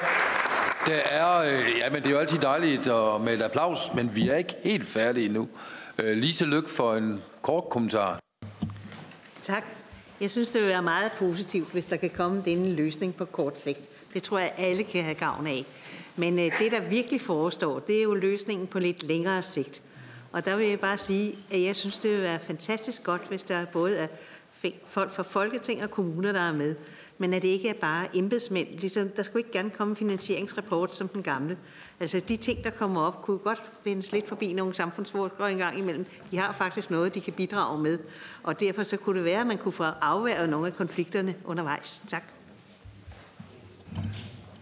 Tak for det. Kommunal udligning, skævheder, urimeligheder, løsninger, kompliceret stof. Men det har godt nok været en god formiddag, og I skal have rigtig mange tak. Vi er blevet klogere, og øh, det er jo ikke så tosset. Tak til alle oplægsholdere, tak til de tilhører, øh, der kom forbi i dag. Øh, tak til folketingsmedlemmerne for, for gode spørgsmål. Tak for i dag.